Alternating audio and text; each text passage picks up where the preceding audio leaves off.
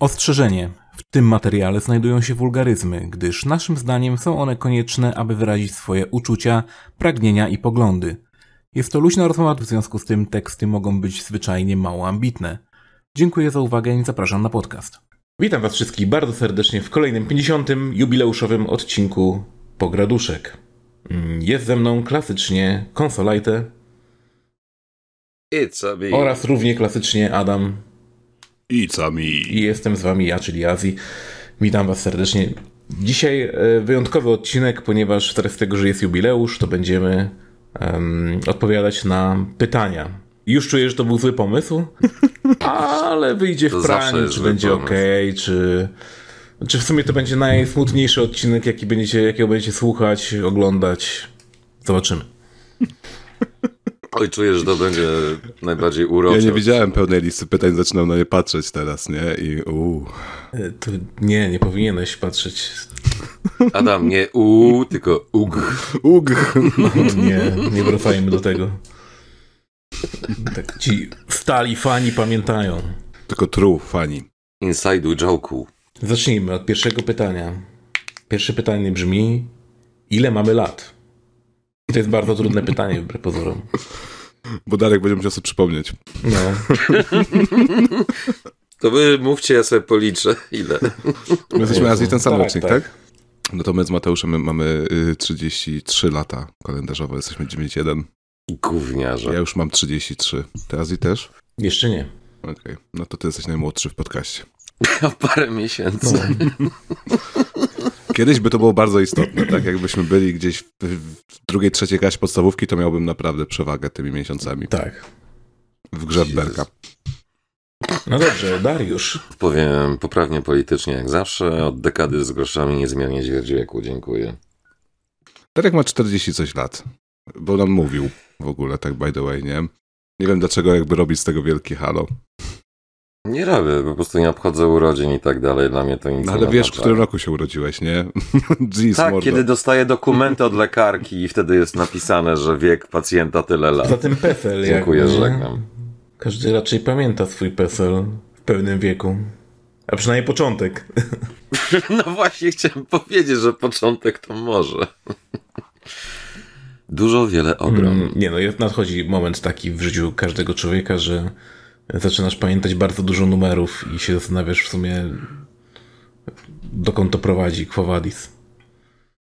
Numerów? Jakich numerów? Zazwyczaj do lekarza. Tak, takich właśnie numerów telefonów jakichś albo... Numery telefonów? Pamiętasz jeszcze jakieś? Ja pa- bo kiedyś się pamiętało, tak, no tak, ale... właśnie stare pamiętam. No teraz to już nie, ale na przykład... Stare, tak, pamiętam w ogóle te numery, wiesz, z lat 00, jak dzwoniłem do kolegów, żeby z- o czymś Z porozmawiać, to kierunkowym pamiętam jeszcze, nie?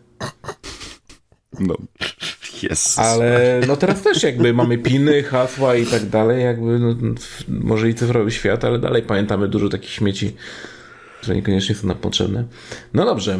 E, No nie no, jak chcesz odblokować telefon, to fajnie by było znać swój PIN mimo wszystko. mm, Nie, może nie jestem no, dziwny. Face ID, te No i- sprawy, jakby nie wiem, sorry. PIN, PIN do karty bankowej warto pamiętać, nie? Wciąż. Na przykład. W sumie. Teraz się Jaki masz PIN do karty? Czy pamiętam. Mnie hasło do Librusa warto pamiętać. Zawsze cztery jedynki Siedem. wszędzie, nie? No naj, najbardziej bezpieczne. Nie, nie, nie, nie, nie. 1, 2, 3, 4 Nie, nie, bo, bo to jest właśnie najpo, jaja. najpopularniejsze. Dlatego bierzesz cztery jedynki i masz 1000 IQ i już ci nikt tego nie złamie. Em, nie, najlepsze hasło to jest gwiazdka, gwiazdka, gwiazdka, gwiazdka. O ile coś w ogóle przepuszcza. Bo zazwyczaj masz alfanumeryczne jednak. No dobra, dobra, dobra, koniec. Wracamy. Najlepsze hasło mam do... in- Następne Ja mam pytanie. najlepsze hasło do internetu w swoim mieszkaniu. Mogę wam powiedzieć, jakie mam hasło do internetu. To zostanie e, Znaczy- patr... Łysy z brazem. content, nie? Jak kiedyś przyjedziecie do mnie, to możecie teraz ukraść sobie troszeczkę megabajtów. Eee, dlaczego królik nie płaci czynszu? To jest hasło. Bo się dziwne, że. Słodkie. Dobrze. Bo królik nie płacił czynszu. E, w sumie to pytanie do wszystkich. Przyjmijmy, że Roger idzie na emeryturę i rola redaktora naczelnego szmatławca przypada wam.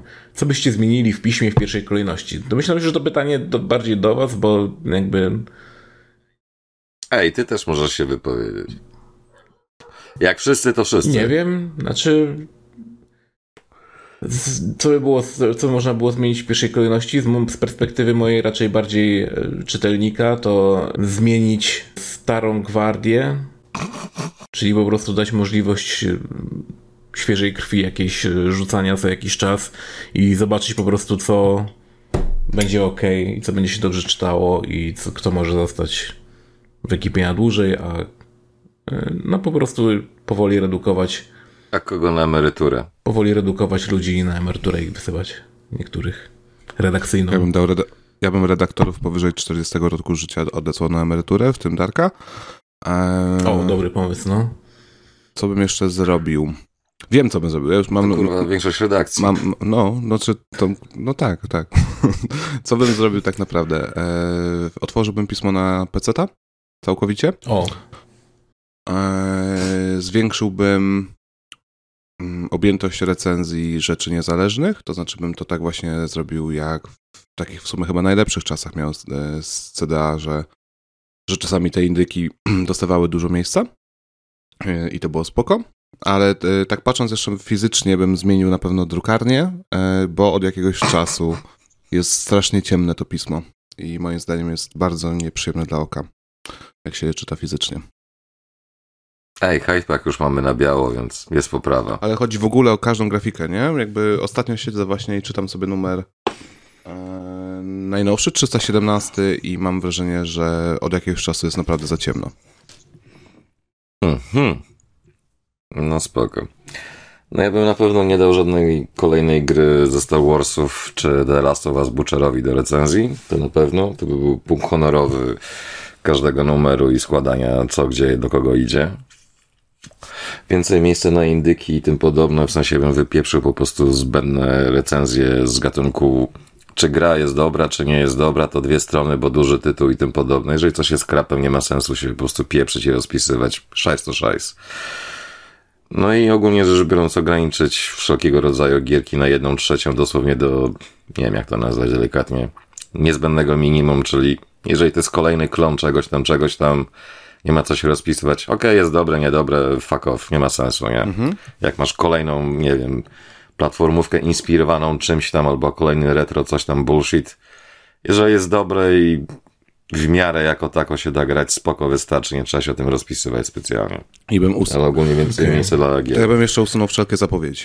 Też z pisma. Wydaje mi się, że już w pismach nie powinno o, być zapowiedzi. to tak, to nie powinno być. Też. No, chyba, że ewentualnie ktoś Chyba, że ewentualnie się podejmujemy znaczy, takiego znaczy playtesty bym zostawił wydawniczego może. jakby. Play, playtesty, kalendarz jasne, mhm. tylko mi chodzi o to, że jak są zwiastuny nowych gier, to ten zwiastun tak de facto dostaje czasami na przykład stronę w piśmie, nie? To tak, są takie, tak, to jest relik tych czasów, kiedy to jeszcze miało znaczenie.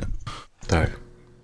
Albo artykuły z gatunku spis plotek z internetu wszystkich, które są już nieaktualne w momencie pisania tego. Tak jak tam, co wiemy o Switch 2? Nic. No nie, takich rzeczy nie powinno być, tak? Bo to jest jednak Coś, co to trzeba... jest przekładanie SEO internetowego na pismo, które jakby nie zawsze ma sens po prostu, mhm. nie? A i dałbym też więcej felietonów ludziom, żeby się mogli rozpisać, bo często gęsto jest tak, że te Hyde Parki i te inne miejsca to tak czasami chciałby człowiek coś napisać, ale po prostu wiesz, brakuje miejsca i tak dalej, więc to nie, jakby byli chętni. To nie jest głupie, żeby większość redakcji miała swój felieton, mm -hmm. nie? W sensie ci, którzy no by tak. chcieli go mieć po prostu. No tak, o to mi chodzi, bo z Gretgen to wiemy jak to się kończy dużo roboty, potem z tego nie wychodzi, plus jest zawsze bałagan, że niby jest zamknięty, a potem ktoś jeszcze sobie dopisuje na ostatnią chwilę i burdel się po prostu robi, ale taki właśnie felieton na zasadzie strona dla każdego, kto jest chętny, jak będzie. Poza Marcelusem, jemu tylko pół strony. Ewentualnie możemy odzultarować bardziej pismo. Uu. No dobrze. Um, czy nie planujecie nagrać wspólnego grania w wybrany tytuł? I... Planujemy. Tak, to dosłownie najprościej można odpowiedzieć na pytanie typu planujemy, ale... Chcielibyśmy, tak. Dokładnie. Jak się uda, to się uda. Na pewno już myśleliśmy ostatnio przy Little Company, Company, żeby to zrobić e, i pewnie jak się uda i to będzie w miarę przyjemne, to, to podejrzewam, że, że, że będziemy dalej jakby w tym kierunku zmierzać czasem. Tylko, że czas... Poza tym już e, mieliśmy. Czas Znaczy wydaje, nie w, no. tym, nie, w tym, nie w tym składzie, nie? Tylko, że to ja przynajmniej za siebie powiem, że u mnie jest kiepsko z czasem bardzo. To też jakby, to jest też e, powód, dlaczego mnie nie ma. To dużo w Extremie teraz. E, I jeszcze kilka miesięcy tak to będzie wyglądało. Przyszły rok szkolny będzie wyglądał zupełnie inaczej w moim życiu i też dużo odzyskam tego życia. E, więc no, zawsze proszę o cierpliwość. Okej, czyli czekamy do następnego roku, do setnego odcinka. Nawet, do, nawet, nawet do, do już po maturach albo, po, albo przy wakacjach, nie? To już jest zupełnie inaczej. Mhm. Po Japonii. Obecnie jest bardzo źle, Okej, po prostu. no dobrze. To zabrzmiało takie, wiesz, wyżalenie po prostu. Jest źle. No, nie wchodząc w szczegóły, tak? Jeżeli chodzi o czas, jest bardzo źle. Y, Przejdźmy do następnego pytania, które jest akurat dość dziwne, ale okej. Y, Co wolicie? Gałgany, gałki czy klawisze kierunkowe? I muszę ja tutaj zadać pytanie na pytanie tak naprawdę. Co to kurwa jest To- to- gałgan? Gałgany. Google it! Nie wiem, do, no, nie wiem, czy chodzi ci może o jakieś joysticki albo coś, pady, wolanty, nie wiem. No. Ustalmy, że jakiekolwiek inne kontrolery dziwne. Gałgan to chyba właśnie joystick taki tradycyjny. No właśnie, ja, ja sobie. osobiście bardzo lubię tradycyjne joysticki i trochę y, smutno mi, że odeszły do lamusa, bo no mega się na nich niektóre gry przynajmniej bardzo dobrze się grało. Szczególnie sportowe, kiedy obracałeś joystick do góry nogami, robisz lewo, prawo, żeby postać szybciej biegła. Ale y, do dzisiaj ludzie w sumie używają dwóch joysticków do grania w na przykład Armored Core'a, tak? Albo symulatory. symulatory, więc jakby da się, fajnie. E, Ja osobiście no, klawiszy kierunkowych zbytnio nie mogę używać, więc dla mnie gałki to jest zbawienie, mm, cud nad Wisłą, piękna rzecz. Miód, orzeszki i tak dalej. A jak wy? Kontrolujecie gry zazwyczaj. Ale Y, U mnie to bardzo jest zależne od, od, od świata i gatunku. Y, Jestem raczej po stronie gałek, y, no bo platformówki i platformówki 3D, y, no bez gałek są... Ci, którzy pamiętają, to wiedzą, że bywało różnie, zanim to były... oj tam, oj tam. Mam znajomego, który skończył Super Mario 64 na klawiaturze na emulatorze. E, Przechodziłem z Mario 64 na, na DS-ie, który miał tylko e, klawisze kierunkowe, tak? Więc jakby to, to w zasadzie to samo wychodzi. Ale Faktycznie zapomniałem, że nie było na no, właśnie, przechodziłem znajomemu Devil May Cry 3 na, na klawiaturze, e, więc to też było dość dziwne, bo nie mógł sobie bossów poradzić. Niektórych ja jako, że grę znałem, ale nie umiem grać na klawiaturze, to i tak wychodziło mi to lepiej niż jemu. bo znałem giereczkę. Ale w każdym razie e, ostatnio też dużo siedzę w starych wyścigach i e, tęskno mi za wyścigami, które, które wymagały od nas grania klawiszami kierunkowymi, czyli e, wiecie, było takie twarde lewo, twarde prawo. Tak, i To możemy sobie przerzucić na gałkę, tylko że chodzi też o, o jakby to, że nie, nie, nieważna jest czułość. Responsywność. No właśnie. tak, tylko w wyścigach to jakby było dość trudne, no bo tu faktycznie można było się dowiedzieć, który, która gra y, dobrze ogarnia to sterowanie, tak? Bo Mhm. niektóre miały właśnie takie, że po prostu kierownica skręca nagle o 90 stopni na przykład, a niektóre miały ten klawisz kierunkowy taki, że delikatnie kierownica skręcała. Ergo, no, ten musiałeś chwilę przytrzymać, zanim twój samochód jakby wykonał pełny, na przykład kierowca, powiedzmy, w cudzysłowie, wykonał obrót tą kierownicą, tak? Fajne, to jest, to jest akurat do, dobra kmina w sumie, żeby zrobić jakiś nawet, yy, kurczę, może jakiś materiał albo coś o tym? No miałeś zrobić o Gran Turismo z ojcem na klawiaturze chyba, czy tam kierownicy, tak. czy coś w tym No, stylu, już to- nie pamiętam. No, Zacznę, zrobię zalążek tego i przywiozę PS3 do, do rodziców, bo i tak czy siak już nie gram właściwie na PS3, więc... No dobrze, od razu mówię, że w tle u mnie, jeśli będziecie słyszeć y, głośny kaszel, to y, niestety Patrycja jest chora, więc jest jak jest. No dobrze, przejdźmy w takim razie dalej. Y, Najbliższa sercu konsola, której nigdy się nie pozbędziesz. Pytanie do wszystkich. Konsola tam bierze rzeczy w ogóle. Ej, ale ja jeszcze nie odpowiedziałem na poprzednie. Szmelcem w ogóle. Ty czytasz pytanie, on wyciąga rzeczy z pudła. No właśnie. Ej no, Kuźwa. szukałem ładowarki, która będzie działać, spadaj. Czemu... się okazuje, że ta druga nie działa. Anyways, e, dla mnie to bez znaczenia na dłuższą metę. Głównie gram na krzyżaku większość bijatek. Natomiast jeśli chodzi o inne gry, no to to jest kwestia tego, jak jest sterowanie tam ustalone, więc jak nie ma opcji, bo często gęsto i tak jest analog ustalony z góry, a krzyżak jest jak dobrze pójdzie do jakiegoś tam wyboru przedmiotów podręcznych czy coś w tym stylu, no to co się zrobi, to się nie zrobi. Więc ogólnie tyle. A bijatyki i tym podobne, no to. A, teoretycznie powinienem na arcade sticku grać, ale szczerze powiedziawszy, to jest bullshit, bo to jest kwestia tego, na czym ci jest wygodnie. Więc niektóre na arcade sticku, tak na automacie, czasami to sobie odpalam. Tak jeszcze działa, o dziwo. Ale w większości przypadków po prostu krzyżak i jolo. Jeżeli jest oczywiście taka opcja, bo czasami nie ma opcji i po prostu jest na hama ustawiony analog. Dobrze, skoro już mówisz, to w takim razie powiedz o konsoli. Z jaką konsolą nigdy byś się nie rozstał, nigdy się jej nie pozbędziesz? Sega Saturn Shiro. Okej. Okay. Sega Saturn. No ja to jakby mam wybór oczywisty. Wszystkie te konsole są blisko mnie. I to są w sumie dwie konsole. Vita. Czyli jedna ta. Oczywiście. Vita dla, dla słuchaczy audio była pokazana. Jedna ta. I 3DS. New 3DS, dokładnie. Więc to są konsole, z którymi się nigdy nie rozstanę, bo no nie wiem, no jednak emulacja 3DS-a może i jest dobra, fajna, super wszystko jest, ale no jednak te, ten dodatkowy ekran i posiadanie tego w formie takiej przenośnej to jest e, coś, czego długo nic nie nastąpi. Mm, a Vita, no też Vita jakby emulować jest y, ciężko i emulować wszystkie możliwości Vity. Y, Szczególnie Smeranko. Tak, tak. No. Nie, to jest jednak taka. Palicho, że tam trzy gry to wykorzystują, no tak, nie? No, ale są jednak, są jednak gry, w które mogę grać e, bez końca na wicie, więc. Nie wiem, wydaje mi się, że nie, nie jestem w stanie się rozstać z tą konsolą. A jak u ciebie, Adam? Czego? Nie, śmieję się z Darka, że jeszcze tam teraz jakieś kubki się wywróciły, nie? No tak. tak to zabrzmiało. I'm a busy man, okej? Okay? Nie mam czasu sprzątać. No nie, no, sprząta się samo, bo wpada na ziemię, tak? Tak, dokładnie. Znik dokładnie. Zniknęło, z, z, kamery zniknęło, nie ma.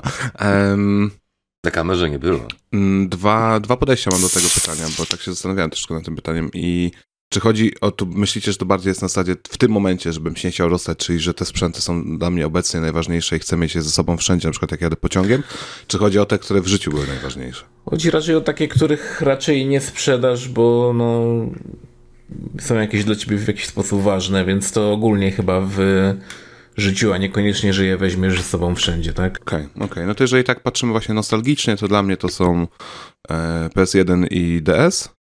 Tak się akurat układa.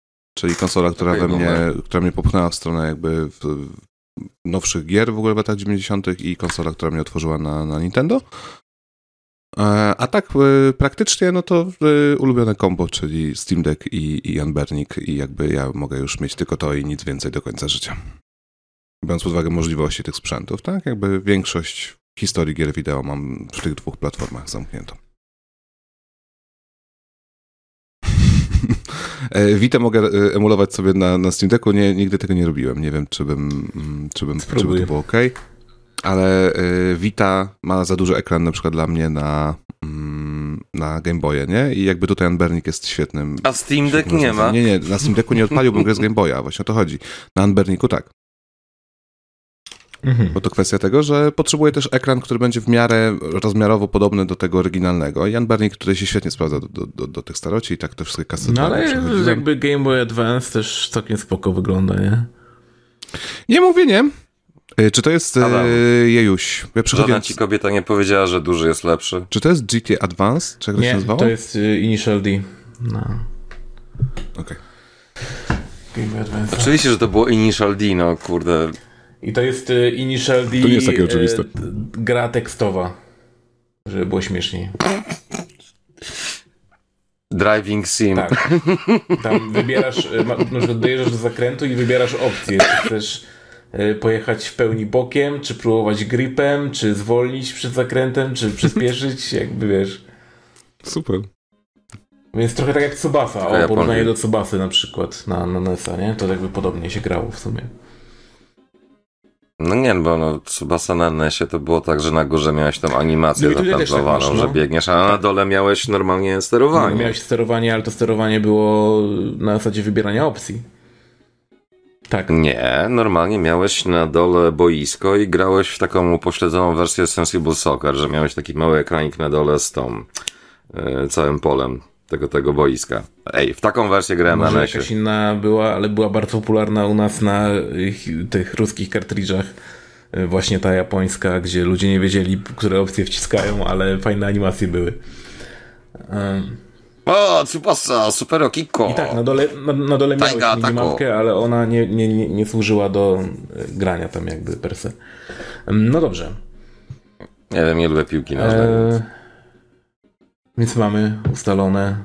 E, tutaj do Adama specjalne pytanie. Ulubiony pisarz i dlaczego ten? Trzy najlepsze książki od tego autora. Powtarzam, żeby było ładnie w jednym miejscu. A, bo tak, bo dałeś to pytanie w dwóch miejscach, okej. No, to- to za każdym razem będziemy pewnie tak odpowiadać przy takich pytaniach, że nie ma sensu pytać jakiegoś pasjonata pewnego medium o ulubioną rzecz, nie? Bo to trochę jest bez sensu. E, I tak wcześniej zobaczyłem, że to jest pytanie tak kilka minut temu i tak cały czas się rozglądam i patrzę po książkach i coś, kurwa, nie mam bladego pojęcia, jak to powiedzieć Czy teraz. tak, no ja to rozumiem, ale w, tak, żeby powiedzieć cokolwiek, no to można zawsze wybrać tego y, jednego z wielu tak naprawdę, tak? I to znaczy, że to nie jest jeden jedyny, tak? Dobra, to, to, to jakoś tak... Na pewno nie Andrzej Sapkowski. Na pewno nie Andrzej Sapkowski u mnie. Ale jest I żadna blisko. fantastyka, żadna fantastyka generalnie. Ja mam problem z fantastyką, mm, taki po studiach. Natomiast e,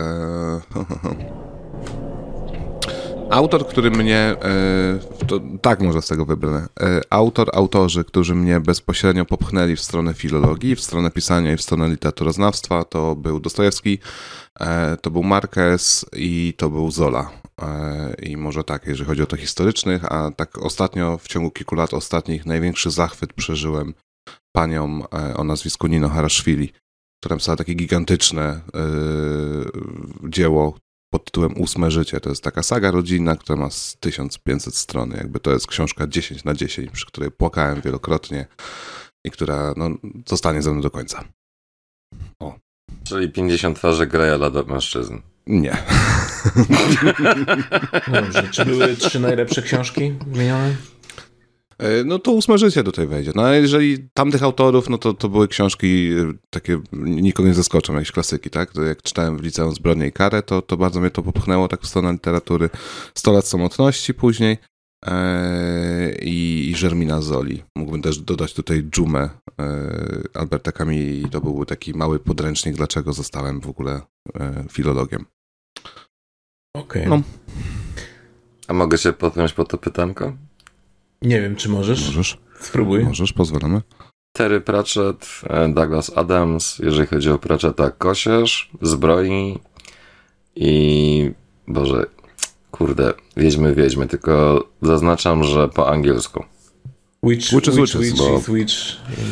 Witch is witch. Tak, tak, tak. Nie, po prostu Pratchett po angielsku i Pratchett po polsku to są dwa różne światy, tak na dłuższą metę, bo właśnie Kosiarz był takim mega, mega ząkiem dla mnie, jeżeli chodzi o kwestię tłumaczeń, bo jak to czytałem, to tam na przykład było, że pani Cake.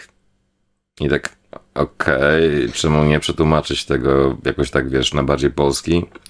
A z kolei potem był Człowiek Wiadro, który w oryginale to było na zasadzie One Way Bucket Man i to było takie nawiązanie żartem do tych wszystkich takich indyjskich imion, więc dużo żartów przez to ginęło w polskim tłumaczeniu. A poza tym, tak samo jak było z Nomami, że nie wiem, czy kojarzycie tam całą serię, te trzy książeczki, saga Nomów Ja i tak dalej, że tam lecą, potem coś. No to na przykład tam autor, mm, znaczy tłumaczeń autor, żeby nie było, zrobił śmieszną rzecz, która ja akurat bardzo propsuję, jeżeli chodzi o tego typu rzeczy, że jak jest dowcip nieprzetłumaczalny, to po prostu było praktycznie pół strony w cudzysłowie, tłumaczące o co chodzi i dlaczego tego dowcipu się nie da przetłumaczyć na język polski, bo po pierwsze słowa, po drugie kontekst, po trzecie wszelkiego rodzaju idiomy i tak dalej. I tego czasami mi w polskich tłumaczeniach, jeżeli chodzi o Pratchetta przez, Boże, jak on się nazywa? Cholewa chyba się nazywa ten autor tłumaczeń. To tego mi czasami brakuje. I ogólnie Pratchett po angielsku polecam każdemu, jeżeli chce się podszkolić trochę w języku angielskim i więcej niuansów złapać. Ja tylko powiem, że od kilku lat jest taka tendencja w tłumaczeniach literatury wysokiej, że właśnie te konteksty stara się zawsze podkreślić tłumacz. to jest bardzo fajna zmiana w książkach, nie? Że teraz nie dość, że się jakby No. czytasz książkę, też się uczysz jakiejś kultury. Tak, tak, tak, bo właśnie o to chodzi, że często gęsto mamy tak, wiesz, polskie powiedzenia czy coś w tym stylu.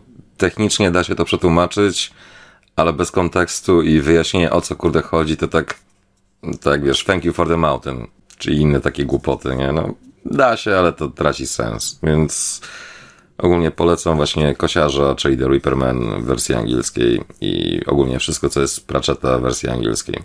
No i Douglas Adams, ponieważ jest to najważniejsze pytanie i najważniejsza odpowiedź wszechświata, udowodniona, wyjaśniona i tak dalej. Że jaki jest sens życia, etc.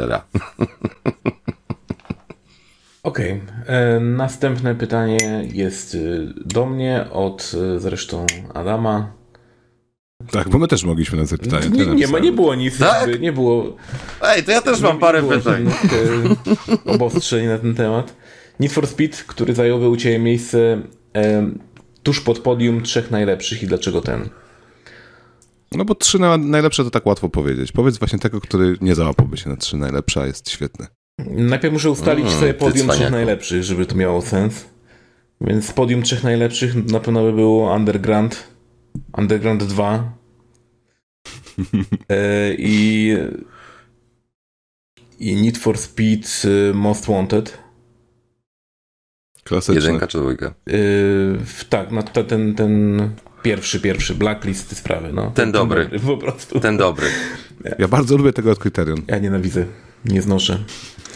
E, więc tak, to by było mnie dnie, na, na dnie listy, a tuż pod podium to jest właśnie ciężkie. Mi się wydaje, że y, tutaj albo Porsche 2000, U, Ale to z PlayStation 1? znaczy to było na, i na PlayStation 1, na PC i nie wiem czy na czymś ale to były dwie zupełnie inne gry. Tak, na tak, były, platformach. No były właśnie, inne bo- w sumie, no ale Bo pamiętam, że było Need for Speed Porsche, czy coś takiego na PS1. Ja się odnoszę bardziej do wersji PC-owej, zrobili- no bo wtedy byłem PC-ciarzem, więc jakby A.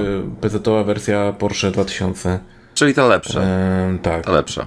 E, bardzo mi się podobała, zrobiła na mnie wrażenie, ale największe wrażenie wcześniej jeszcze na mnie zrobił e, i to też gra, która myślę, że mogłaby zająć czwarte bądź piąte miejsce. Mm, no to jest e, Hot Pursuit, tylko ten pierwszy albo drugi, nie pamiętam. Ten lepszy. Ten, ten lepszy też, no. Ale aż muszę sobie zobaczyć, który to był który. E, No bo nie, bo teraz Hot Pursuit, jak wpisujesz, to od razu ci pokazuje ten, ten nowy Hot Pursuit, a ja nie chcę. Te... Mortal Kombat 1. E, trójeczka, o. O trójeczkę mi chodzi. I trójeczka, i dwójeczka w sumie. Piękne gry, piękne gry, piękne, pięknie modowalne też były, bo ludzie zaczęli robić tam własne samochodziki i bodajże albo dwójka, albo trójka, nie jestem pewien, która już nie pamiętam, miała taki system, że miała dynamiczną muzykę. Więc y, jak jechałeś, to im szybciej jechałeś, tym bardziej taka była ym, no, rozkręcająca się ta muzyka, tak? I Aggressive to było Soundtrack. bardzo zabawne, gdy na przykład wjeżdżałeś przy 300 na godzinę w ścianę i był taki beatdown, nie? W muzyce, że wiesz, teraz uspokajamy, nie? Nie wiem. Moim zdaniem powinno być takie jak w Pac-Manie. Łach, łach, łach, łach, łach. No, ale to tak. Dobrze. Z którym Pokemonem się utożsamiacie? Ja znam tylko pierwszą generację dobrze, e, więc muszę wybierać z niej, z tych Jakby- klasyków. E, I to jest życie pomiędzy Psyduckiem a Snorlaxem.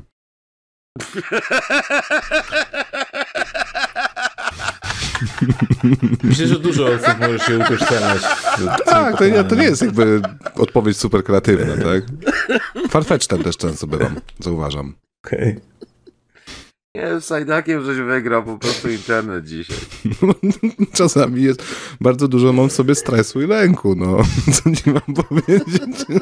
A tak utożsamiać? Nigdy się nie utożsamiałem z żadnym Pokemonem, szczerze powiedziawszy. Ciężko, ciężko powiedzieć. Ale Dariusz, musisz, musisz też coś zdecydować. Absolutnie nic nie muszę, nie utożsamiam się z żadnym Pokemonem. On jest tym y, Charizardem z anime. A, takim, tym- co, co, co, za, co zawsze nazwą się robi. tylko Grumpy, po prostu, no. Grumpy Charizard. No, Grumpy Charizard. Grumpy Charizard. No dobrze. No ja nie wiem, nie wiem, naprawdę nie, wiem. Ja mam wersję do Pokémonów, więc... No właśnie, dlatego będę cię brał po, w Japonii po wszystkich sklepach z Pokemonami. Spoko. Jak się nazywa ta z tej brygady RR z tymi włosami? Jessie. Może Jessie? Mhm. Spoko, jak będzie Jessie, to... By gwiazd dosięgnąć, będziesz walczył. Pierdolę. Ja zawsze zapominam, że jesteśmy młodzi, że się... By tam uchronić świat od dewastacji. Tak. Te, w ogóle ich powiedzonko było super nie- nie, niespójne z tym, o co im chodziło, Tak, nie? tak. Bo, bo rymowanka była protagonistów, a oni zawsze się promowali jako antagoniści. Tak. No To taka trójka drąbo, tylko że we dwójkę. Chyba, że Mewtwo, czy jak tam, jak się nazywał to? Miał, to miał, to Miał. było miał po prostu. A tak, bo Mewtwo to ten taki niby bad boss, coś tam, coś tam w którymś filmie był. Już nie pamiętam. W pierwszym filmie E, tak. kinowym, mordo.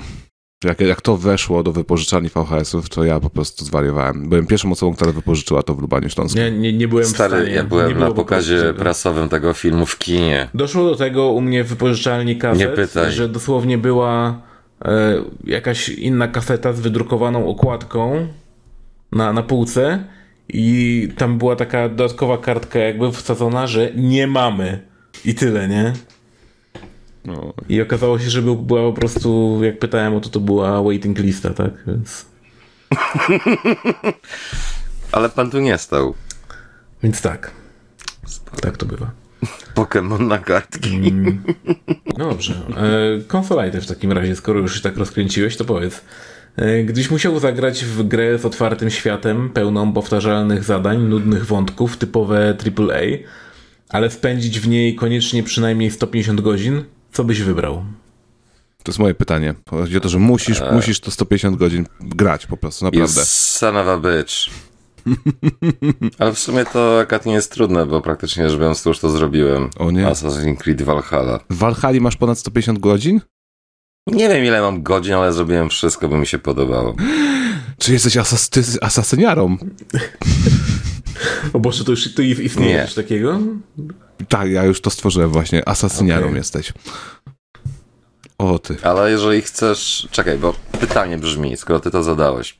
To ma być offline czy online? Off, off. Nie myślałem o online. A, No, no to Valhalla, no to powiedziałeś rzeczywiście. Czy masz... nie no, bo tak jeszcze myślałem przez chwilę, że World of Warcraft ewentualnie, no bo tam spędziłem zbyt wiele czasu. Nie, nie, nie. World of Warcraft to jednak mimo wszystko będzie MMO, więc ja bym w ogóle nie, nie łączył No. tego z tymi grami, wiesz, y, tymi sandboxami takimi współczesnymi, nie? Nie, nie, spoko, Aczkolwiek tam spoko. też jest bardzo dużo Trochę to Valhalla. tak? No to jest jak w wielu RPGach, nie? Daily skurde. Ech, Davis, Davis. Dobra. Te rajdy, wszystkie te instancje, które robisz, kurwa, mać ileś tam razy, żeby, no może tym razem ten jebany roll wypadnie, że będzie to, co potrzebuje. Kurwa, nie. Ale wy jesteście, wy się starzy. Widać, że nie, nie, nie łapiecie mega świni co tydzień teraz. Co to jest, kurwa, mega, mega, świnia, świnia? to jest kurwa e, drop e, rzeczy chyba co, tygodniowy w Brawl Stars.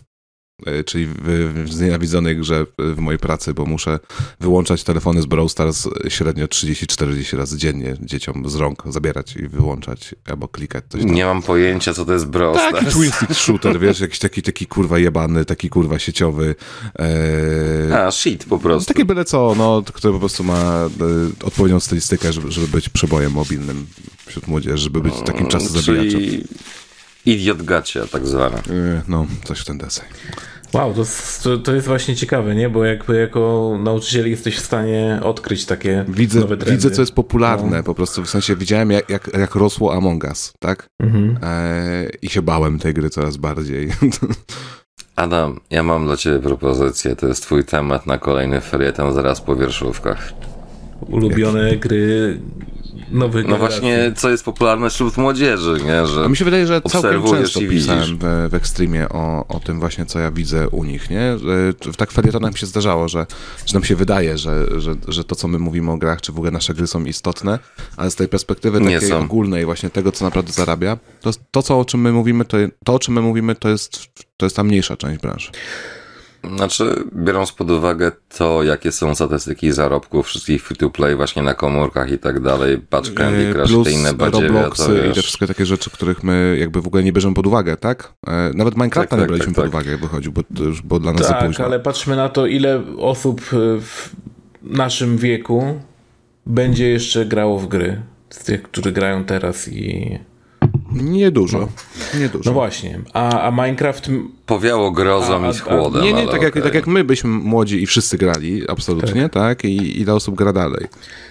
Dla wielu to jest po prostu część młodości i takie Tak, zabijanie tak, czasu. Tak, ale Minecraft był mimo wszystko, ja bym tutaj nie, nie przytaczał Minecrafta, bo to jednak było takie tak gigantyczny fenomen, że chyba jeszcze, już jeszcze nic nie było w stanie jakby tego pobić. Y, owszem, jakby to jest chyba największa gra w historii gier w tym momencie, tak mi się wydaje, liczbowo, I tam ale... ludzie nadal grają w tę grę, nadal grają ludzie, którzy mają po, no, no już wiesz, rodziny, dzieci i tak dalej. I, Rozumiem, zgadzam się, Teraz tylko mi chodzi o to, że my, tak jak, jak Minecraft wychodził, to z, z, zlekceważyliśmy tą grę zupełnie, nie? W sensie my, my gracze naszego pokolenia, my dziennikarze i tak dalej.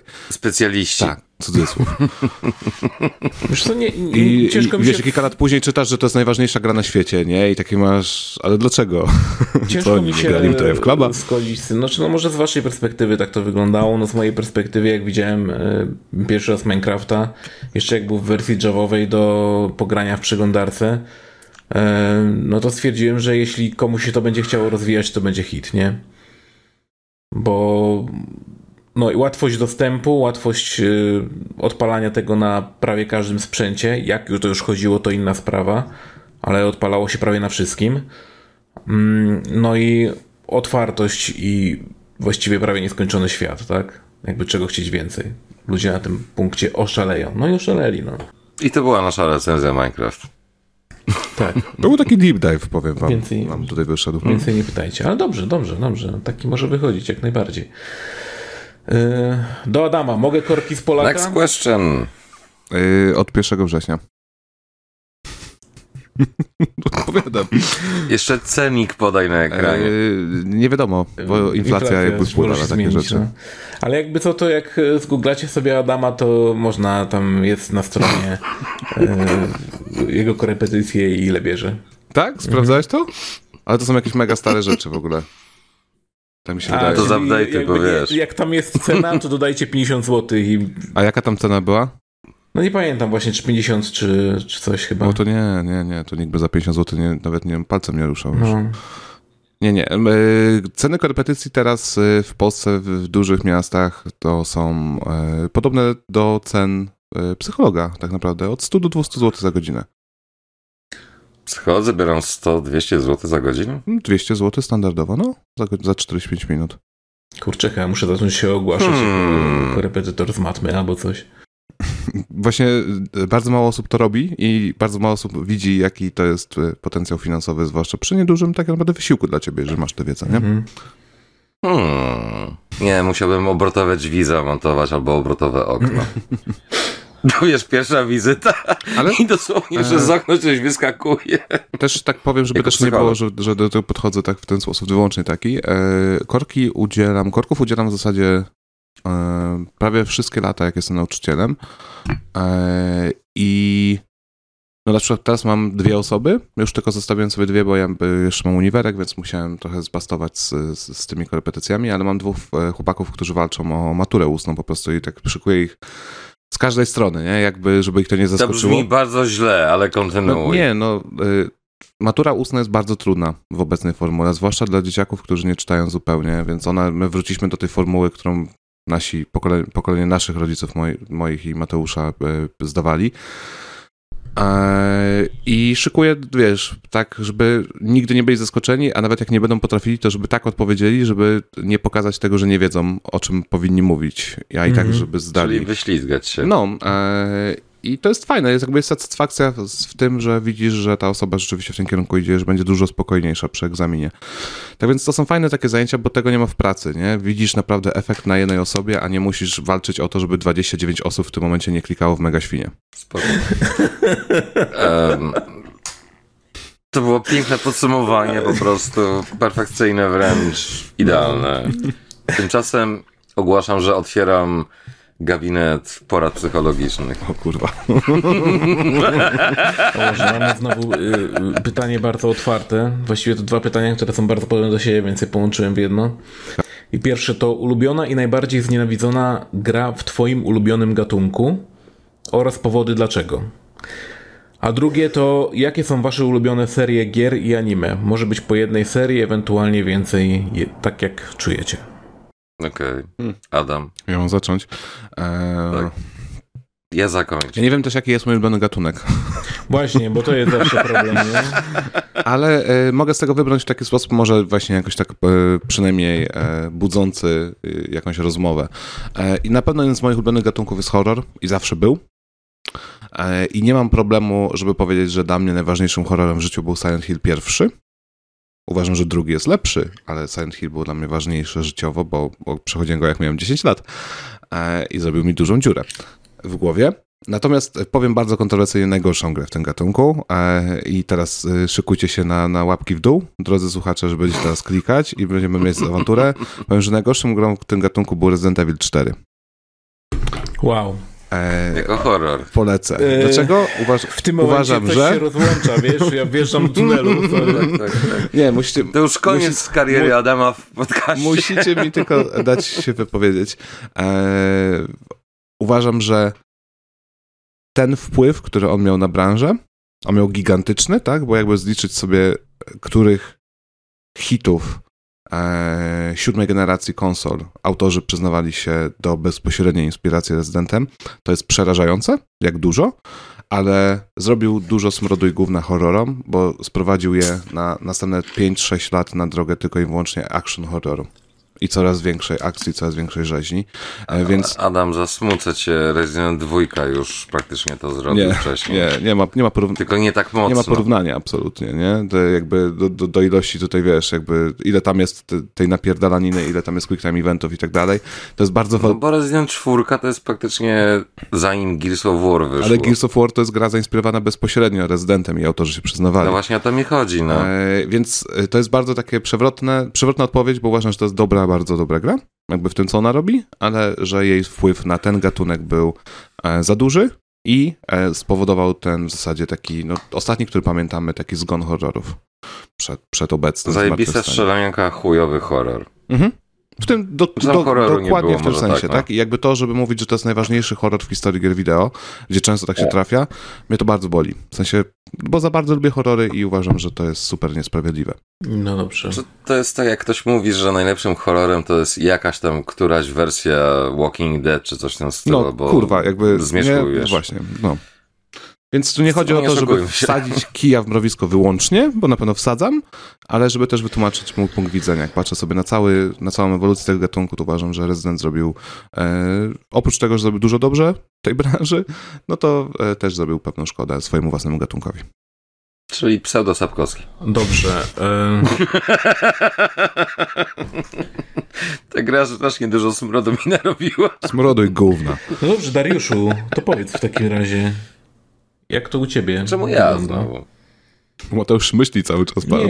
ja, ja mam już przygotowaną odpowiedź, więc... No to mów. No, Ja już powiedziałem, że zakończę. więc ogólnie to tu mnie uprzedził Adam z horrorem. Ale tak, jeśli już miałbym wybierać cokolwiek, to horror.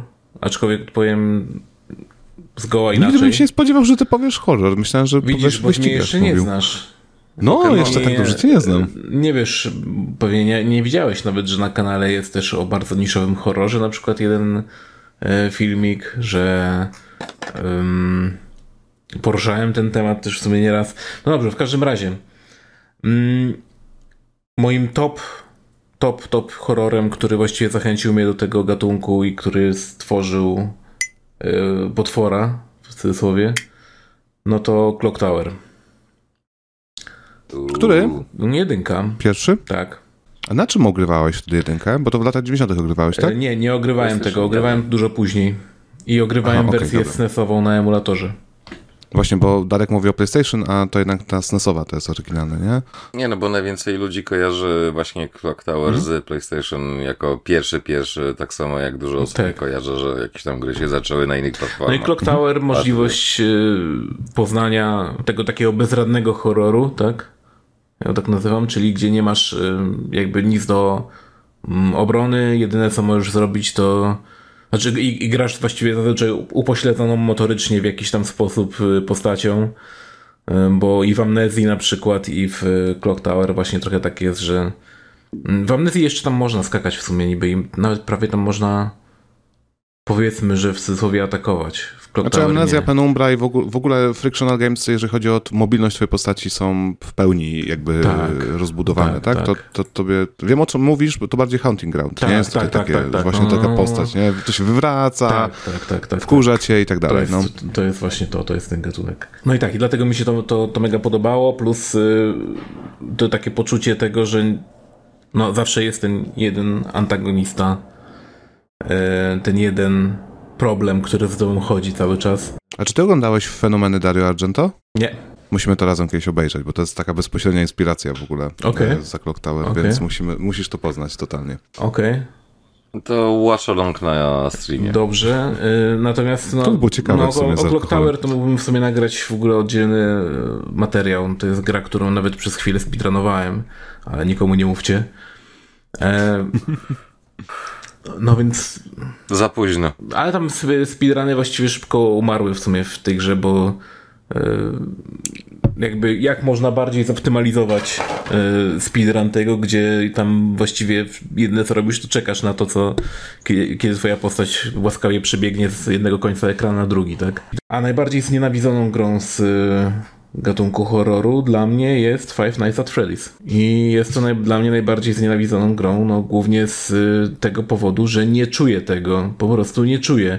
Y, odpaliłem tę grę, jak tylko właściwie, właściwie hype się powiedzmy zaczynał. Gra wychodziła. I nie lubię takich gier, gdzie musisz bardzo mocno zarządzać jakimiś surowcami, tak? Czy, czy to prądem, czy to czymkolwiek innym. Nie przepadam za takimi grami. Nie lubię jak na przykład masz w horrorze latarkę, która się na przykład rozładowuje i musisz, nie wiem, poczekać aż się naładuje, czy cokolwiek, czy zmienić baterię, e, czy coś jakby. Nie lubię czegoś takiego. Przynajmniej kiedyś nie lubiłem, teraz może lubię trochę bardziej, albo się pogodziłem z tym, ale kiedyś tego kompletnie nienawidziłem. No a tam klikanie tylko po kamerach i liczenie na to, że coś się ruszy, a jeśli przygapisz cokolwiek, to nagra- nagrodzony jesteś jumpscarem.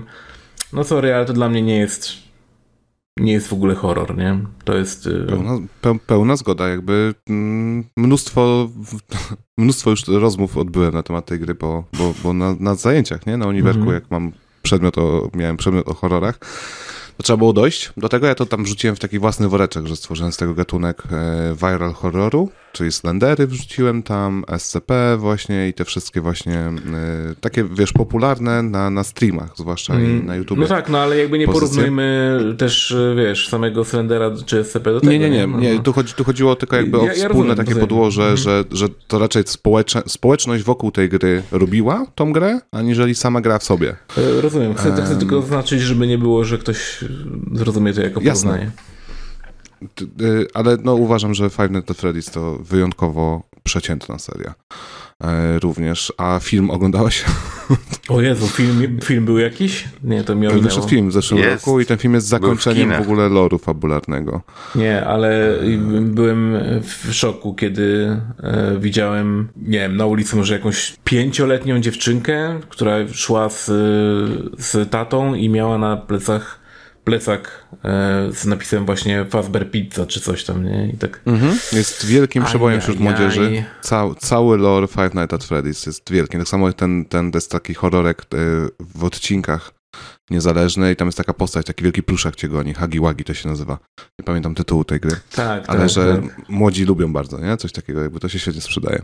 Czy, czy właściwie możemy już powiedzieć Ludzkość się skończyła. Możemy już powiedzieć o jakimś takim dziecięcym horrorze trochę, nie? Tak, i oni już tak właśnie mówili. Tak mi studenci powiedzieli, że jakby trzeba byłoby już rozłą- oddzielić, właśnie stworzyć nowy podgatunek horror młodzieżowy, horror dziecięcy. No. E, czyli taki, który ma straszyć, ale właśnie straszyć tylko tych, którzy jeszcze są w stanie się tym przestraszyć. Więc w zasadzie robimy pełne kółko, nie? Bo nasze kreskówki mhm. w latach 90. miały być takie, nie? Pamiętacie, filmy młodzieżowe były strasznawe. To, co się oglądało na VHS-ach, było dość straszne i jeszcze nie było tak, tak jakby myślenie, że nie, to jest dla dzieci, to nie ma co tutaj pokazywać, że ktoś ginie, że są jakieś potwory, że diabły i tak dalej. Myśmy takie rzeczy oglądali i teraz znowu do tego wracamy, nie? Znaczy, czy ja wiem, jak, tak... jakie, jakie były takie filmy młodzieżowe, czy jakieś no, kreskówki, no. Które, które były strasznawe? Znaczy ja rozumiem, że już nie mówmy o Chojraku, tak? Który był jakby wyjątkiem trochę od reguły, ale ogólnie to nie, nie wydaje mi się, żeby były. Yy, na przykład nawet mi chodzi o taki trend, jak miałeś, że oglądałeś albo bajki Disneya, albo Dona Bluffa. Yy, I Don Bluff nie był, yy, wiesz, takim bezpiecznym kinem dla dziecka, tylko był kinem takim zmuszającym do rozmów z tym dzieckiem, nie? miałeś... To był film animowany, no a nie tak, Disney. Tak. E, filmy, które oglądaliśmy my, czyli wiesz, Pogromców Duchów oglądałeś i, i bałeś się tych, tych demonicznych piesków z pierwszej części. Mm. Ja się strasznie bałem jako dziecko.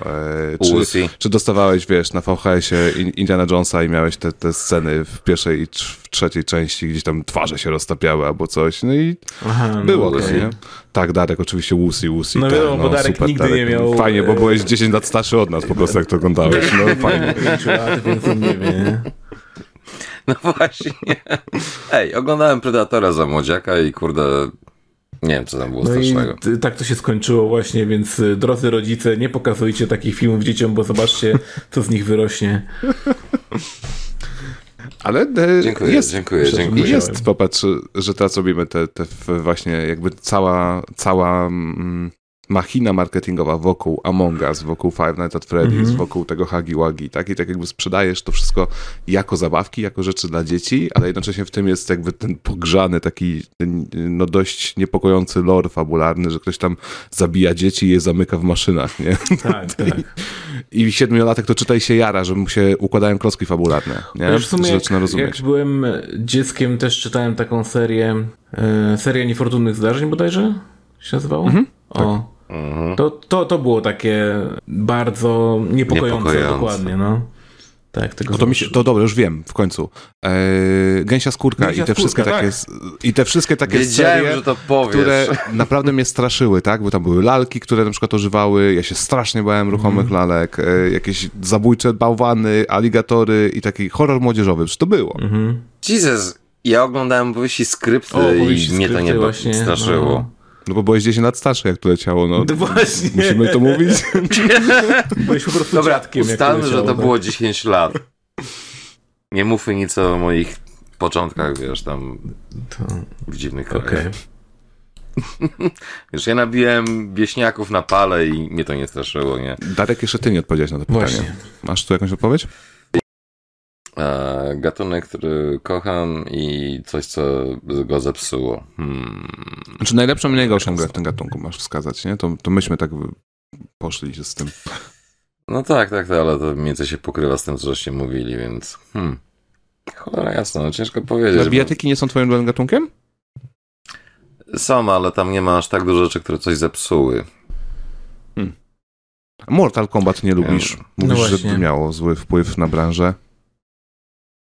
No ale to tak samo jak wszystkie inne gry, które po prostu, wiesz, monetyzacja z badziewia i tak dalej, nie? Myślałem, że chodziło ci o, o taki uproszczony system walki Mortala, że, że to był jego problem. Mm, to jestem w stanie przeżyć, bo wiesz, ogólnie tak jak na przykład z Tekkenem, sytuacja jest taka, że teraz mamy ten nowy system tam, Boże, jak się to nazywa?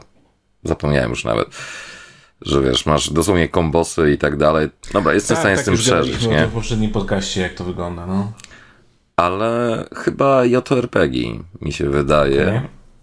bo przez długi, długi czas to było zawsze mniej więcej to samo, czyli fabuła i w miarę fajny system walki, taki turowy czy coś takiego. A potem niestety wszystko poszło w kierunku action oriented i chyba Final Fantasy VII Rebirth i ogólnie wszystkie finale od 13 w górę po prostu zepsuły ten gatunek moim zdaniem, bo zatraciły po prostu całą ideę tego. A nie uważasz? Że zamiast... E, pozwolę sobie, nie uważasz, że akurat jeszcze te siódemki mają cokolwiek RPGowego w sobie w porównaniu do, do nie wiem, do Nie, ja mówię o remake'u. No, mi ja chodzi o, remake. Remake'u. Remake i Rebirth, że ten system walki ma w sobie jakby jeszcze coś, coś z RPG. Jakby wolałbym w pełni turowy, ale no są. Znaczy, no, nie, nie, turowy to jest fajna rzecz, ale to jest męczące na dłuższą metę. Mi po prostu chodzi o to, że od pewnego momentu wszyscy próbowali zrobić po prostu action gierkę z tego, bo na przykład masz serię Tales i tam zawsze walka od początku była action oriented. Mhm. Miałeś speciale, miałeś ataki, miałeś pseudo-kombosy i tak dalej. I to było fajne, bo to było inne od tych wszystkich innych JRPG-ów.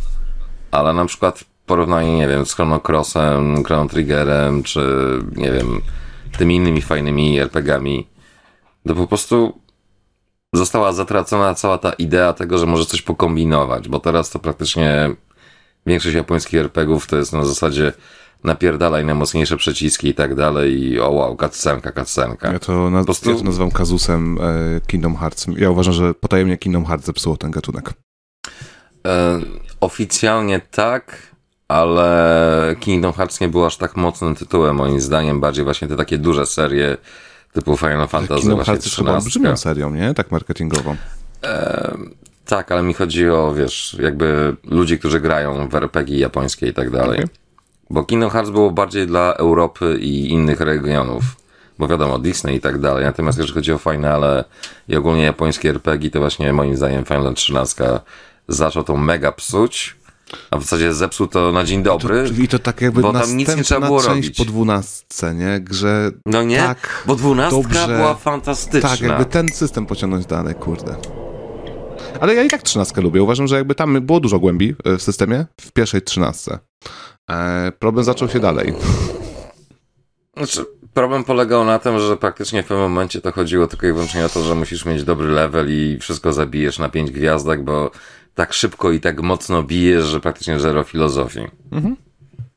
A w 12 te gambity i te inne wszystkie rzeczy, które tam były, to po prostu dawały ci złudzenie, że faktycznie masz jakąś kontrolę nad tymi postaciami, a potem to już było na zasadzie a, level up, o, naciskaj przycisk, bla, bla, bla i tak dalej. Ale to jest legitna odpowiedź. E, I na tę odpowiedź zawsze mamy Like a Dragon, czyli serię, która z napierdalanki stała się turowym RPG-iem. w tę drogę też można pójść, nie? W tę stronę. Smutne, ale... Tak. Ej, Like a Dragon to przynajmniej, kurde, jest fajne. No. Nie, ja nie mówię. absurdy, które tam są na ekranie. Ja, uważam, ja uważam, że bardzo fajnie, że ta seria stała się również RPG-iem, bo co, co roku wychodzą dwie gry w zasadzie. Jedna jest RPG, a druga jest napierdalanką. Dopóki tak jeszcze będzie, to, to jest okej. Okay. Aczkolwiek jak pójdzie wszystko maksymalnie w RPG, to wykituje chyba. No ale to też pytanie, co my teraz uważamy za RPG, no bo pół żartem, pół serio pamiętam, jak ktoś kurwa napisał recenzji Devil May Cry 3 w Neo Plus bodajże, że ojej, można Rozbudow- poprawiać statystyki, to już praktycznie RPG. Postać, no, no, no. Tak, tak, no, tak kurwa, ja rozróżniamy RPG od elementów RPG, tak? No. Tak. Dokładnie. No dobra, to co? Next to, question. E, tak, jeszcze, jeszcze to anime tak, miało być. Mieliśmy powiedzieć też o ulubionej A. serii gier, serii i, i anime. I anime nie wiem, czy chodzi o samą anime, czy serię anime. No to jakby to też ciężko w sumie określić, co tutaj autor miał na myśli. Ustajmy, że chodzi o serię gier i o serię okay. anime. Okay. Czyli e, jeden sezon animca też będzie de facto seria, prawda? Tak. No tak, no bo to seria. Jak jest więcej niż dwa odcinki, to już nie jest AAV i tak dalej, czy tam split movie, tylko seria. Więc na serię było tutaj mówione o Talesach, więc jeśli już, to pewnie bym wybrał Talesy właśnie jako ulubioną serię gier ogólnie. Aczkolwiek, no jest tutaj ciężko, no to zależy od gatunku, tak szczerze powiedziawszy, bo no jeszcze Gran Turismo, tak, jako seria wyścigówek. Mm czy też y, Counter-Strike jako seria online strzelanek, jakby no można wybierać i wybierać, tak? A to chyba będę. Mm, ale to nie, tu było jakie są wasze nie, ulubione serie spoko, gier spoko. i anime. No, więc mówię o grach na razie. Y, jeśli chodzi o anime, to tu y, nie wiem, musiałbym chyba dać link do swojego My Anime List tak naprawdę, bo ciężko. Mm, nie wiem, co było taką ulubioną serią. No jakiś czas temu e, bardzo polubiłem Gandama, bo zacząłem sobie oglądać jeszcze raz całego. Um, ale taką serią anime chyba, która zawsze mi przez całe życie towarzyszy i która e, jest u mnie na topce, no to będzie mm, jedna z najbardziej dochodowych serii w Japonii w, w tym momencie chyba. One Piece? E, czyli e, seria Fate począwszy od Fate Stay Night, przez y, Fate Zero, y, na teraz jakichś nowych Fate spin-offach, nie wiadomo czym kończywszy. Dobrze, Adam. Widzę, że Adam jest tutaj już y, kiwa głową, więc jest chyba gotowy. Gotowy. Nie, nie, nie w tym sensie. E, jeżeli chodzi o anime, to e, chyba za mało e, obejrzałem w życiu anime, żeby móc się wypowiedzieć jakoś tak super kompetentnie, ale najważniejszym anime... Ale co ci się najbardziej tak, podoba? najważniejszym anime dla mnie w życiu był Neon Genesis Evangelion. I tak bym to dalej trzymał, bo że, że to było super ważne, forma, formatywny dla mnie e, utwór kultury. Dobra, Asuka czy... Czy? Przepraszam, Aska czy Rei? Aska. E, tak, strona Asuki zdecydowanie. Shit waifu. Ale suka. A bardziej jednak tutaj team choroby psychiczne, nie? E, Każdy ma chorobę psychiczną. tak, tak, To tak. sugerujesz, że ja powinienem wybrać Team Misato, bo jest alkoholikiem? W sumie. Muszę, Nie no, wiadomo, że rude są lepsze. muszę więc- powtórzyć sobie Ewangeliona, bo to też może był, fajny był materiał do, do podcastu bez dyskusji, ale mm, chciałbym obejrzeć te serie późniejsze, znaczy te remake'i i tak Jest dalej. na Prime. Jest na Prime wszystkie części Rebirth, a pozostałe Ewangeliony są na Netflixie, więc... Jakby co, Netflix, ja sobie mogę odświeżyć wszystkie Prime. i polecam się. No właśnie, zróbmy sobie bez dyskusji pograduszki Cross X. U. Jeszcze Azji w bez dyskusji tego nie grali. No. Kiedyś, chcia, kiedyś go chciałem zaprosić, ale nie miał czasu, bo miał wtedy ciężki okres w pracy. Dobrze, że teraz mam bardzo spokojny okres w pracy. okresy. Oh wait. Um, a jeżeli chodzi o serię gier, to ostatnio tak się wydarzyło, że. E, bo mógłbym powiedzieć tam starymi seriami i, i to byłyby takie klasyczne odpowiedzi, ale właśnie od jakiegoś czasu wydaje mi się, że moją ulubioną serią gier obecnie jest Like a Dragon. Zawsze mam Hmm. na tapecie, zawsze gdzieś w tle jest u mnie rozkopana któraś Yakuza, któryś Like a Dragon. I bardzo lubię e, do tego wracać i świetnie się z tymi grami czuję.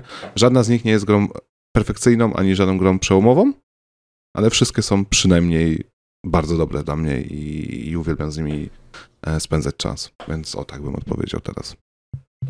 super. E, Dariusz, e, To był Adam. Guilty Gear i anime Guilty Gear. E, Dziękuję, dobranoc. Nie ma anime Guilty Gear niestety. Ale jest anime Blast Blue. No, to Blast Blue dopóki nie wyjdzie. A jego ulubione anime to jest y, kampania z, ze Strife. Taki teraz ten mem, że chcemy anime Guilty Gear. Już mamy anime Guilty Gear w domu. No dobrze, czy chcesz jakoś normalnie to odpowiedzieć, czy... tak. Nie no, zaskoczę ciebie. Ulubiona seria to, jak już tak miałbym naprawdę, naprawdę wybierać, to Shanti. Bo każda gra po prostu z tej serii daje mi masę frajdy, po prostu i przyjemności. Po prostu ubóstwiam Shanti, jest fantastyczna, jest cudowna. Każda gierka, nawet jeżeli ma swoje jakieś tam problemy i tym podobne, to po prostu gra się w nią cholernie przyjemnie. Więcej niż raz. Nie tak dużo jak skończyłem Panzer Dragon 2 czy Metal Slugi, ale naprawdę zawsze jest miło po prostu. Jak wychodzi jakiś tam powiedzmy remake, remaster w cudzysłowie, czyli release tak naprawdę, to nieważne, że już skończyłem tą Shanti ileś tam razy. Jeszcze raz ją przejdę, bo wyszła na nowej platformie. Natomiast jeżeli chodzi o anime, no to Slayers. Chociaż, nie no, Oawka też można traktować jako serię, bo tam jest Naga the Serpent. I tych oławek jest kilka, więc Slayer z naciskiem na to, jak jest Naga. Tak, tak. Tak, tak, ale masz serię telewizyjną, masz kinówki i masz Mhm. I Naga się pojawia tylko i wyłącznie w oławkach i w kinówkach. Natomiast w serii telewizyjnej nie pojawia się, natomiast była gra na PlayStation 1, tylko wydana w Japonii, która teoretycznie rozgrywa się w tak zwanych wydarzeniach serii telewizyjnej, ale pojawia się wąsowo Naga. Jest zajebiście śmieszna interakcja pomiędzy Liną, Gaurim i właśnie Nagą. I to jest takie, a czemu tego nie ma w serii telewizyjnej? No tak, już wiem dlaczego. Ale ogólnie Slayers. To jest urocze, jest zabawne i bardzo mi się podoba, jak po prostu regularnie nabijają się z tych stereotypów fantazy. Ale ławki są najlepsze, więc jak macie okazję, to dowolna oławka Slayers. Szczególnie z tym lustrem, zwierciadłem, coś tam, co robią klony. I jest przeciwieństwo jakby charakteru postaci. Tak, mówiłeś już o tym kiedyś, więc y, Slayersi to ogólnie jest powtarzający się u Ciebie motyw, polecamy. Bo jest zajebiste. No dobrze, e, następne pytanie jest e, sekretny, sekretnie ulubiony utwór Eurobeat, do którego w innych okolicznościach byś się nigdy nie przyznał. Do mnie pytanie. Wszystkie utwory Eurobeat normalnie bym się do nich nie przyznał przede wszystkim. Ale jeśli już miałbym jakieś wybrać, to sobie wpisz e, na YouTubie Eurobeat Mix for Girls Who Drift. Female vocals only. I, i wszystkie tam wymienione. Oj, to ja już wiem, czego będziemy kiedyś słuchać na wspólnej wycieczce. Kurwa nie. Tak. E, Ty, Darek, jak mieliśmy spotkanie redakcyjne, to puszczałeś nam jakiś power metal, chłopie, więc Właśnie. teraz będziesz słuchał Eurobitów y, dla kobiet, które dryfują. To brzmi tak bardzo źle na tak wielu płaszczyznach, że się w pale nie mieści, ale kontynuujmy. Dobrze. Następne pytanie, pytanie. Czy gracie w gry z polskim dubbingiem? Ode mnie odpowiedź brzmi raczej yy, kategorycznie nie. Raczej kategorycznie nie również. Absolutnie kurwa Dlaczego nie. mówię raczej, y, bo miałem sytuację z dwoma grami, które z przyjemnością, nie trzema, kurczę, więcej jest gier, które przyjemnością grałem z polskim no dubbingiem. No, a... no Bal Baldury pierwsze, Gothic, no są takie rzeczy, które tak, z tym polskim Gothic, dubbingiem jakoś są przyjemniejsze. Gothic 17, um, Wiedźmin oczywiście. Absolutnie kurwa nie. Trójeczka, y a, no i e, Heavy Rain. Moim zdaniem kurwa. dubbing polski jest lepszy od angielskiego i jestem w stanie zginąć na tej górze.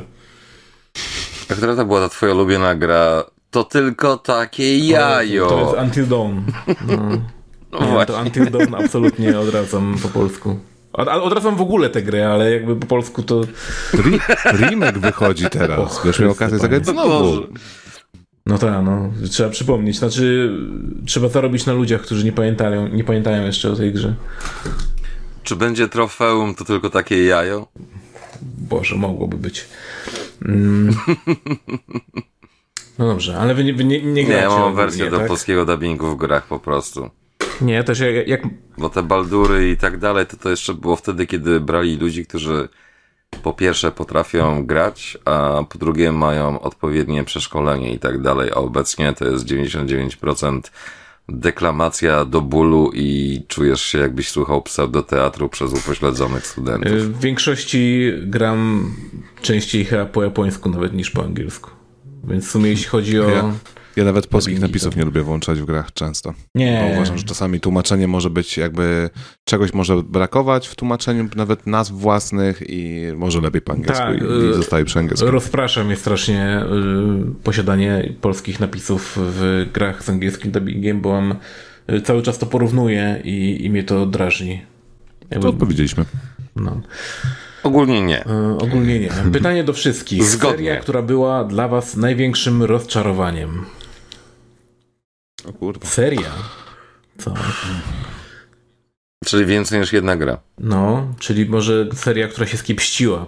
Można też zinterpretować. Albo znowu będzie można to zinterpretować tak, jak poleciałem z Rezydentem i ja mam pomysł na kontrowersyjną odpowiedź. Lecimy w to. Okej, okay, to lecisz. E, wybieram pomiędzy y, dwoma ostatnimi godoworami a The Last of Us. Ja właśnie chciałem też powiedzieć Przepraszam. Was, ale... E, ale to ale nie, wiem, nie, wiem, nie, wiem, czy, nie wiem, czy powiem e, to, o czym myślisz, e, Mateusz, ale jakby co to bym powiedział właśnie kiwnigłówką, że tak.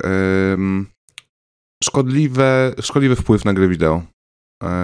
I bardzo dużo tego przesuwania gier, które zupełnie nie powinny być w tym kierunku przesuwane, żeby robić mi z gier y, nastawionych na rozrywkę, na frajdę, na zabawę, y, cinematic experience z postaciami, które wolno idą i rozmawiają. Y, to działa w The Last of, to działa w The Last of Us. To nie działa w żadnej grze, która to robi na siłę. Znaczy, nie, moim zdaniem i w The Last of Us to momentami nie działa. E, Wiesz, to nie jest, ale to jest gra bardziej film niż gra, jakby ja nigdy z was nie traktowałem jak, jak gry tak. rozrywkowej, więc nie miałem z tym problemu. Dla was to jest doświadczenie, a nie gra. No, dla mnie też bardziej e, mnie, mnie boli to, że ta, ta seria yy, idzie za tym bardzo szkodliwym trendem w branży, czyli wypuszczamy remake'i, remastery gier co rok przynajmniej, bo, Dwa lata. bo czemu nie? Nie no, co dwa lata. No ale więcej. tak, ale no jakby jak usłyszałem o tym remasterze, czy też remake'u, czy jakkolwiek tam zwał dwójki, to mam teraz Dwójki. takie jakby, ale po co? Po co? Dlaczego? Przecież dopiero co ta gra wyszła, No. nie? Tylko, że to jest y, trochę też napompowane, tak? Oni wydali tak naprawdę łatkę na PS5 i trzeba było na tym poprzestać, a nie robić z tego, Tak. nadmuchać balon, że, że wychodzi nowy The Last of Us. Bo trzeba było powiedzieć, ej, mamy łatkę. Po prostu była łatka do Ghost of Tsushima, była łatka do Ale Death łatka się Stranding. nie Właśnie, sprzeda. łatka się nie sprzeda. Tak, tylko że no, y, Ghost of Tsushima też miało łatkę i osobne pudełko dla PS5, które jakby nikt się nie denerwował, Ale bo, bo, bo Adam, nie było Ghost gadania. of Tsushima to była gra. The Last of Us 2 A też jest dużo bardziej doświadczenie. niż pierwsze The Last of Us. Jakby dużo bardziej jest fan ta gra y, podczas tego biegania No i wiem. polowania. Dla mnie. No nie wiem. Fabuła mi się z kolei dużo mniej podobała. Nie no, może, może i było trochę więcej w dwójeczce motywów takich em, walki i... Te takie duże, otwarte przestrzenie i kombinowanie z tym, jak, jak sobie radzić z tym. No tak, y, tylko w Cała pewnym jedna. momencie to, to już... Tro, Cała jedna. Jakby po, po drugim razie już mnie to trąciło myszką tak naprawdę, nie? Że jakby to jest, to jest de facto ten sam schemat. Zostałem, Tak, to jest niby, tak, tak, tak, tak. mówicie mi, że to jest inny scenariusz jakby, w którym ja teraz jestem, w którym mam teraz tą walkę i w którym mam gdzieś tam przejść, a w praktyce czuję, że to jest dosłownie kopiuj w klej poprzedniego, poprzedniej walki, nie? I to już po, Bo po drugim razie mi to Pełna się zgoda. e, zrobiło To, troszkę... to, to, to nie jest, to, to nie jest tak, to jakby tak boska gra, jak niektórzy by tam mówili, fanatycy, ale I jakby ja Butcher. jestem w stanie to zrozumieć w grze typu. Znaczy ta gra jest mocno oskryptowana, tak? Jakby, więc mogli to robić trochę lepiej. Ale jestem w stanie to zrozumieć w grze typu na przykład Ghost of Tsushima, gdzie co chwila masz tam duele z wieśniakami jakimiś czy coś. I jakby okej, dla mnie tam to jest spoko, bo to jest gra, która po prostu tak sobie wyznaczyła taki. Um, taką Ale mówię, Ghost of Tsushima to była gra. ale Nie było tak, że szedłeś rurą, tylko faktycznie mogłeś pewne rzeczy poza kwestiami fabularnymi zrobić gra, po gra się swojemu. nie oszukiwała. A w The Last of Us idziesz rurą. była akcja i tyle. Po prostu. I patrzcie na przykład, jak No. na, Final Fantasy VII Remake wpłynął The Last of Us i te wszystkie sekwencje, gdzie idziemy i się przeciskamy przez przesmyki, maskujemy loadingi, postacie specjalnie A, chodzą tak. zamiast biegać Ale i już gadają. nie? wszędzie to jest. To już wszędzie. W God of Warze i kilku innych grach też to było. W Jakuzę to też wpychają już od szóstki i też są takie momenty, że człowiek ma takie, po co? Po co ja teraz mam Tak. przejść te kilka metrów, żeby, żeby oni Przywróćcie kurwa loading screen, po prostu. No. Jeszcze dodajcie tylko taką pierdółkę, jak było z Symphony of the Night albo tych innych gierkach, że na przykład masz ten loading i naciskasz przyciski i tam się zmienia ten kształt tego loading screenu i tak dalej. No i E, możesz się fajnie bawić z loadingi loadingiem. z e, tego z Dragon Ball Budokai Tenkaichi 3 na e, PlayStation 2, gdzie jak wciskałeś na przykład guzik bardzo szybko, to Goku szybciej jadł ryż albo coś w tym stylu, tak? O, no, no, no, właśnie o to mi chodzi.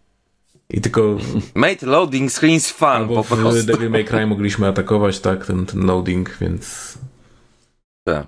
No to w Bajonecie przecież jak miałeś loading screeny, to dosłownie miałeś ten training mode. Mhm. No, to, to tak. E... Dobrze, A, pytanie do... Nie, pytanie do... Chyba że, chyba, że Darek chce dołożyć do tego pytania coś własnego. A, tak, do serii, Bo- która była największym rozczarowaniem, jeśli ktoś chce. No ja mówię jak, już... jakby, jakby chciał wyciszyć raz telefon na nagrywaniu pograduszek. Nie, nie Wyciszyłem, udało się, nie? kurde. Wyciszyłem. Ja, ja, ja się podłączyłem pod odpowiedź Adama, ale nie wiem, czy Darek chce coś własnego odpowiedzieć, czy się nie zgadza, czy, czy w sumie czuje... Nie no, w pełni się zgadzam, że The Last of Us to jest tragedia i zepsuło i tak dalej, jest nienawidzone. Dlatego pytałem właśnie, czy seria to co najmniej dwie gry. Y, Gier de facto jest tam więcej, No, więc już możesz nawet policzyć to jak prawdziwą serię. no dobrze. No tak, no kurde, remake, remake'u, remake'u, remastera po remake'u. Trzy wersje jedynki, dwie wersje dwójki. E, d- Do tej pory. dwa bardzo podobne do siebie pytania. E, pierwsze to, jakim sposobem i z czyjej inicjatywy Adam został przez was przygarnięty? No to moim zdaniem brzmi dość To dziwnie. są, to, są, to, są, to są dwa inne pytania. E, a, Bo tam zaraz będzie ciekawsze pytanie. No to tak, to dobrze, to odpowiedzmy w takim razie na to, y, jakim sposobem i z czyjej inicjatywy Adam został przez nas przygarnięty. Wiesz, że najlepsze jest to, że nie do końca pamiętam, jakby. Ja pamiętam. Flow? Z inicjatywy tak naprawdę Było nam smutno słuchaczy no. tak naprawdę, Tak. a nie z czyjejkolwiek innej było napisane, że, że, że ta trzecia osoba jakoś tak działa tutaj. Tak. Ale ogólnie oficjalna wersja jest taka, że było nam go smutno. Było wam Mhm. mnie smutno? Tak, Darku. Zlitowaliście się nade mną i mnie wzięliście tutaj. dokładnie. Przygarnij kropka. I tak jak z kropkiem okazało się to ściemą.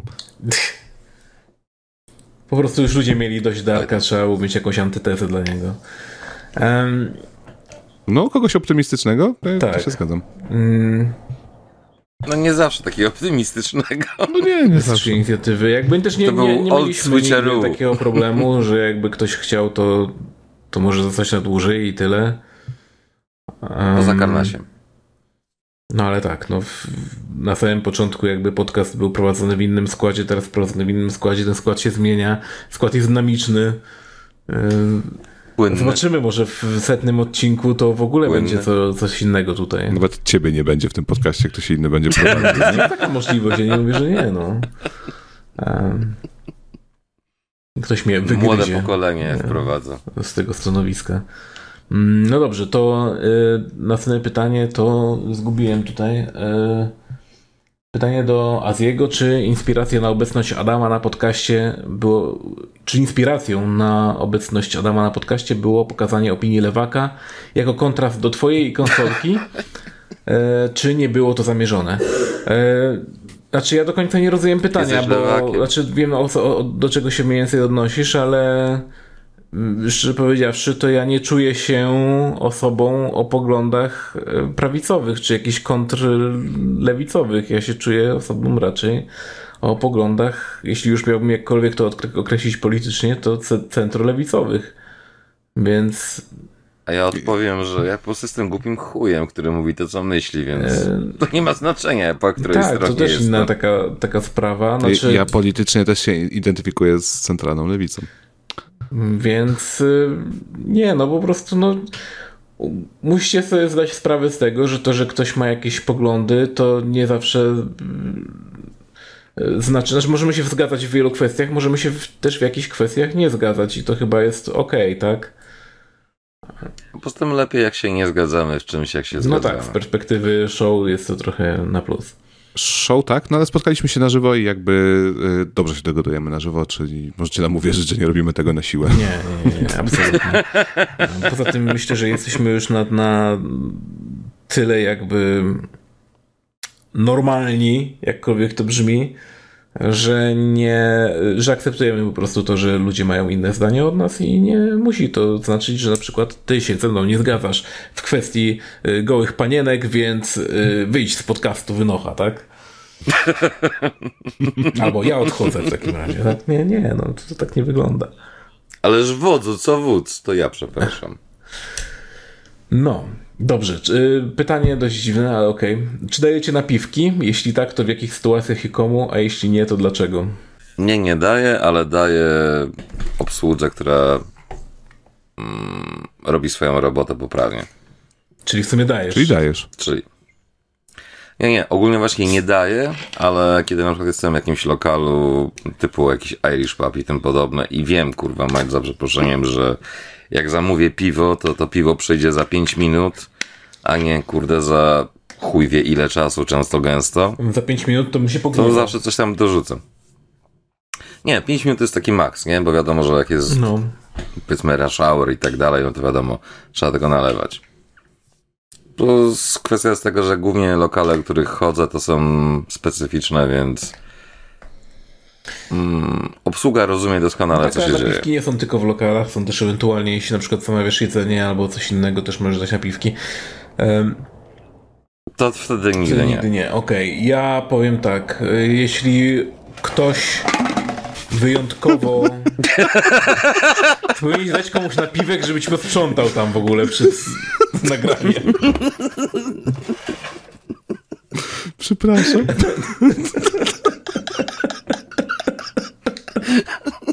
Zagotowałem się. No, ale wracając do pytania. Spokojnie, mam więcej w lodówce. E, jeśli ktoś robi coś chociaż trochę ponad to jakby, co jest jego zawodem w danym momencie e, wykonywanym, to to jestem w stanie dać napiwek. Czyli jeśli ktoś jest na przykład w restauracji wybitnie miły, albo czymś mnie zachwyci w jakiś sposób, albo yy, wyjdzie przed szereg i na przykład, nie wiem, powie, że yy, jest długie oczekiwanie na coś tam, na przykład, może zaoferuje wodę na ten czas, albo coś w tym stylu. Yy, różne takie małe interakcje, które mogą być, to, to, to wtedy ok, to, to, to jest jakby um, trochę więcej ponad Czyli doceniasz minimum, tak? Prostu doceniasz to, że ktoś, kurde, nie robi na zasadzie, ach chuj, e, Mieliśmy raz sytuację taką w restauracji, że gość zbierał zamówienie, no i e, wcześniej widziałem też, że zbierał zamówienia od innego stolika i przy tym innym stoliku były chyba 3-4 panie. No i te panie, jak to panie, mm, miały trudność w zdecydowaniu się Pół godziny e, później. z tym, co chcą. No i powiedziały właśnie, co tam mniej więcej by chciały, ale często zmieniały w trakcie któreś z opcji na przykład na inne, albo któreś tam opcje usuwały, albo któreś dodawały, a on wszystko w pamięci, nie, nie zapisywał sobie tego. I potem na koniec, na sam koniec wszystko powtarzał i wszystko było ok, nie? Jakby dokładnie to, co oni, oni chcieli. Szacunek. I byłem mega w szoku, że po prostu aż tak duże zamówienie był w stanie jakby spamiętać i bez żadnego zająknięcia się nawet wydrestować je e, z powrotem, tak? E, więc e, to była, to była ta rzecz, która jakby ode mnie wymagała tego, że no gość musi dostać. Był mega ucieszony, że dostał napiwek w ogóle. Też było też całkiem śmieszne. No ale tak, albo na przykład jeśli kurier do mnie wnosi jakąś bardzo ciężką rzecz, no fakt, że mamy windę, ale no nadal jeśli jakby wychodzi sam przed szereg, nie stawia mi tylko tego przed drzwiami, tylko na przykład wniesie kawałek do, do mieszkania czy coś chociażby, no to też y, jestem w stanie mu dać jakiegoś y, monsterka albo albo jakieś, jakieś drobne, tak? To tak ode mnie. Jeszcze ja. E, e, podobnie jak Mateusz, ale chyba jeszcze bardziej e, w tym takim luźniejszym klimacie, czy jakby jak jestem zadowolony, to daję napiwek. Jeżeli nie dał napiwku, muszę być niezadowolony. Czy muszę być ignorowany, e, albo jakoś, nie wiem, wyśmiewany, pomiatany. I wtedy nie dam. Czekaj, mam pytanie. Czy jeżeli na przykład jestem przy kasie i dam cukierka albo coś w tym stylu osobie z kasy, to też jest jako nie napiwek liczony? Tak. Okej, okay, to czasami daję. Ale to, to jest bardzo dziwne, że dajesz cukierka osobie w kasie. Znaczy, patrząc, że ty ze swoim jakby, wiesz, uśmieszkiem, e, ubrany w skórę, e, dajesz cukierka jakiejś dziewczynie przy kasie i, i się uśmiechasz, e, to ja nie, nie ja, się, ja bym się bał. Ja bym, ja, bym, ja bym tego cukierka e, również z uśmiechem przyjął, żebyś po prostu się odwalił ode mnie jak najszybciej, a potem wysłał go na toksykologię.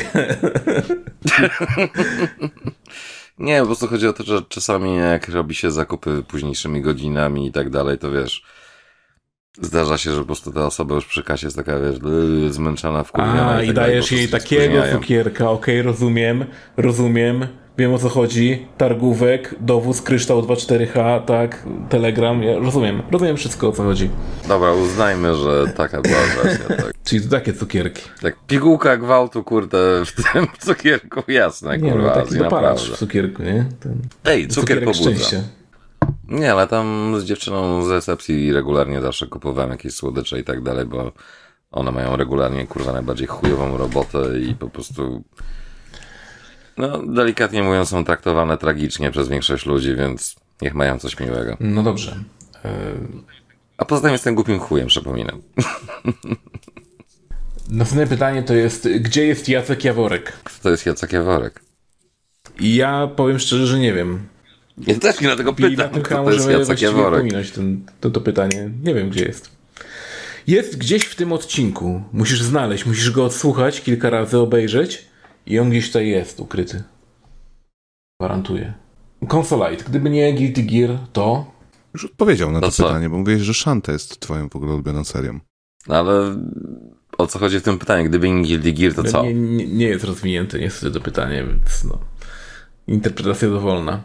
Może inaczej, gdy... gdy Dead or Alive, kurde. Właśnie to jaka inna bijatyka. O. No to Dead or Alive. No dobrze. E, Pytanie do wszystkich. Czytacie komiksy? Jak tak, to jakie? E, Pytanie do wszystkich. Czytacie komiksy? Jak tak, to jakie? Ja komiksów e, czytam mangi tylko. To jest japoński komiks, więc Ale domyślam się, że chodzi tutaj Czyli- pewnie o takie komiksy, komiksy.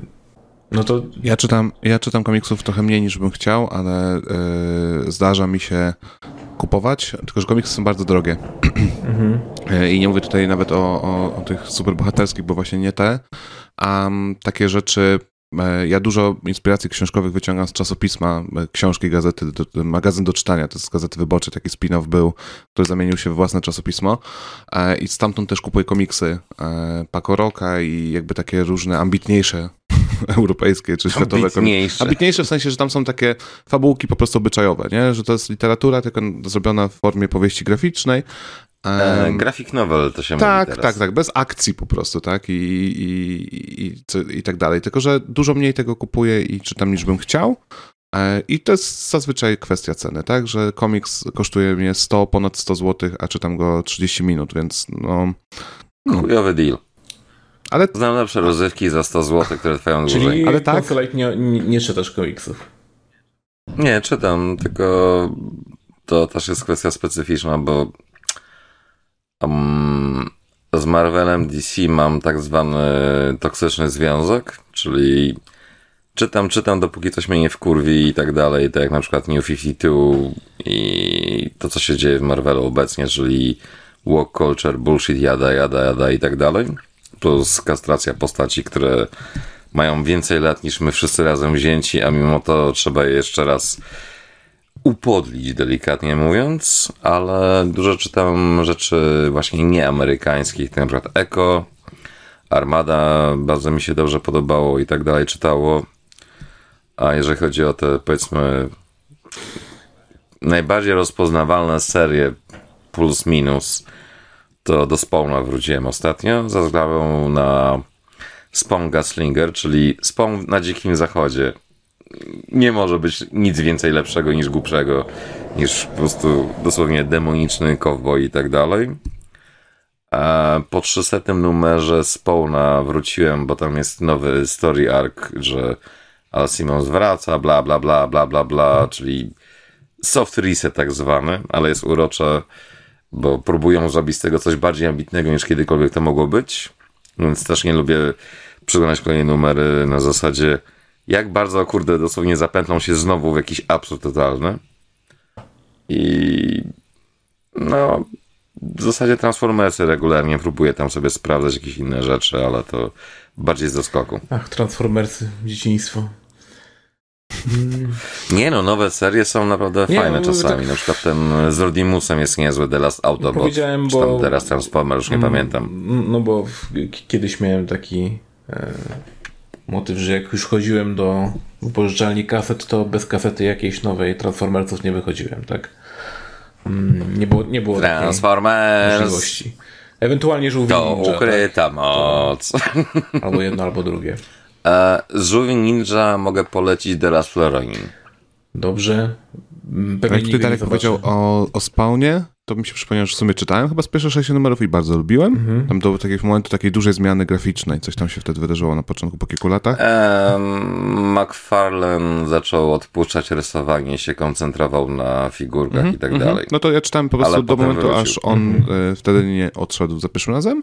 To sobie poczytałem i to mi się Znaczy bardzo on nie podobało. odszedł, on po prostu Tak, robił tak, ale- okładki, jakieś tam specyficzne panele. Odsunął się od, y, od, od, od, od tych rysunków y, na stronach, tak? Przez jakiś czas.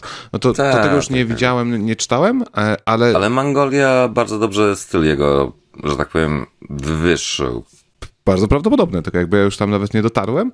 E, A bardzo lubiłem też e, Ultimate od Marvela, w sensie ja to uniwersum... mm, Mi się podobało to uniwersum, ja byłem bardzo za.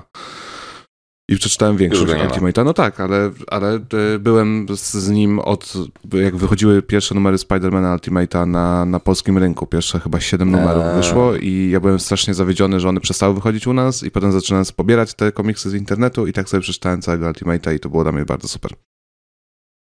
A ci się podobała zamiana Petera na Milesa? Nie przeszkadzała mi. w żaden sposób, jakby to, wiesz, bo inne uniwersum mogli sobie robić Nie, nie, mi chodzi o kwestię tego, jak właśnie Peter zakończył swój żywot, że tak powiem. Y, On został zabity, nie? W, w Ultimate. Tak, przez Green Goblina. Mhm. Znaczy, Nie miałem z tym problemu, bo tam dużo postaci w ogóle ginęło e, i tak nie wracało, nie? Jak był ten pierwszy event, co tam Ultimatum to się nazywało chyba, i tam pozabijali pół rostera w ogóle wszystkich komiksów w taki totalnie beznadziejny A, sposób. tego było dużo.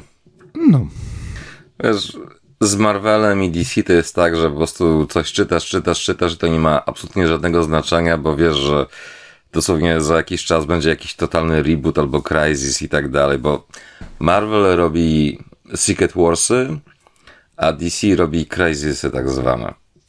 I zawsze jest to samo, czyli o, zmieniamy status quo na wszystko od zera, od nowa, a nie, w sumie to nie wyszło, to, to wracamy do tego, co było i tak jaki jest kurwa sens? mhm.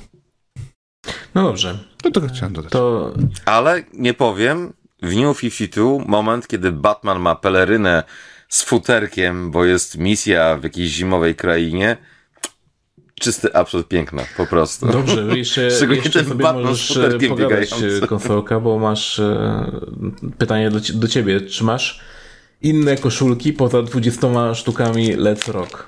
Jeśli masz, to czy potrafisz to udowodnić? Haha, przygotowałem się. Oho. Okej, czyli istnieją inne Ale to jest, koszulki to jest po prostu, to jest ta Czekaj, jedna, czekaj, jedna czekaj, koszulka inna, która nie jest lecrokiem? Tak.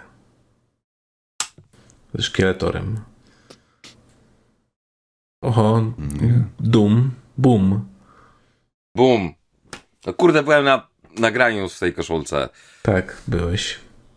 I wszystkie inne są czarne. Na zasadzie, jeżeli ktokolwiek pamięta taki film z Ernestem, tam była taka scena, że on zagląda do szafy i dosłownie wszędzie takie same ubrania i tak, nie, zbyt wyjściowe, zbyt y, powszedne, coś tam, o, idealne i to jest dokładnie ten sam Tak. ubiór.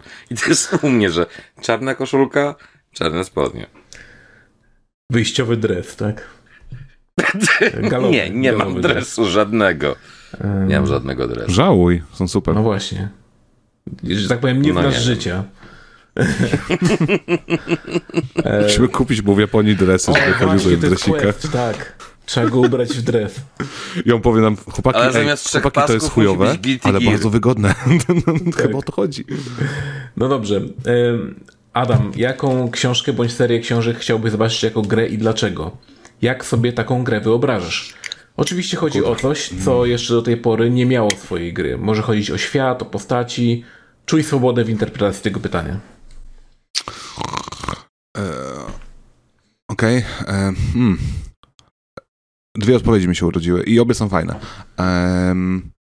Albo bym wybrał ulubione swoje czy, czytadła, takie duże, czyli jakieś sagi rodzinne. Bardzo mi brakuje w grach sag rodzinnych, czyli zamieniania bohaterów na ich dzieci w pewnym momencie historii. To się działo, to są, są tytuły, tak? Jest Dragon Były dwie Quest, gierki na PS1, które miały to. mm, które? Nie pamiętam dokładnie tytułu, coś V. I na początku byłeś ojcem, a potem ginąłeś i jakby twoje kolejne, kolejne pokolenia jakby pociągały całego questa. Tylko teraz zabij mnie, nie będę to, to dokładnie. No, Coś mi, się, mi się Dragon. Quest chyba piąty kojarzy tutaj, bo też jest tam taki zabieg. No to Dragon Quest może być jeszcze. Mm, Soul, Soul Calibur na przykład.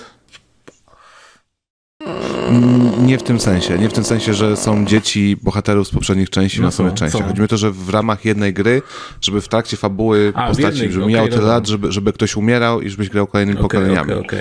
E, I to też nie jak Sifu, że ktoś się starzeje w trakcie gry, tylko jakby grę miałbym RPG japońskiego, gdzie rzeczywiście w połowie gry ten bohater był, już po prostu był martwy i ja bym grał jego dzieckiem, a potem jego wnukiem e, i by fabuła dalej. Only you can finish the bad boss. Dobrze, a jak to się ma do serii książek?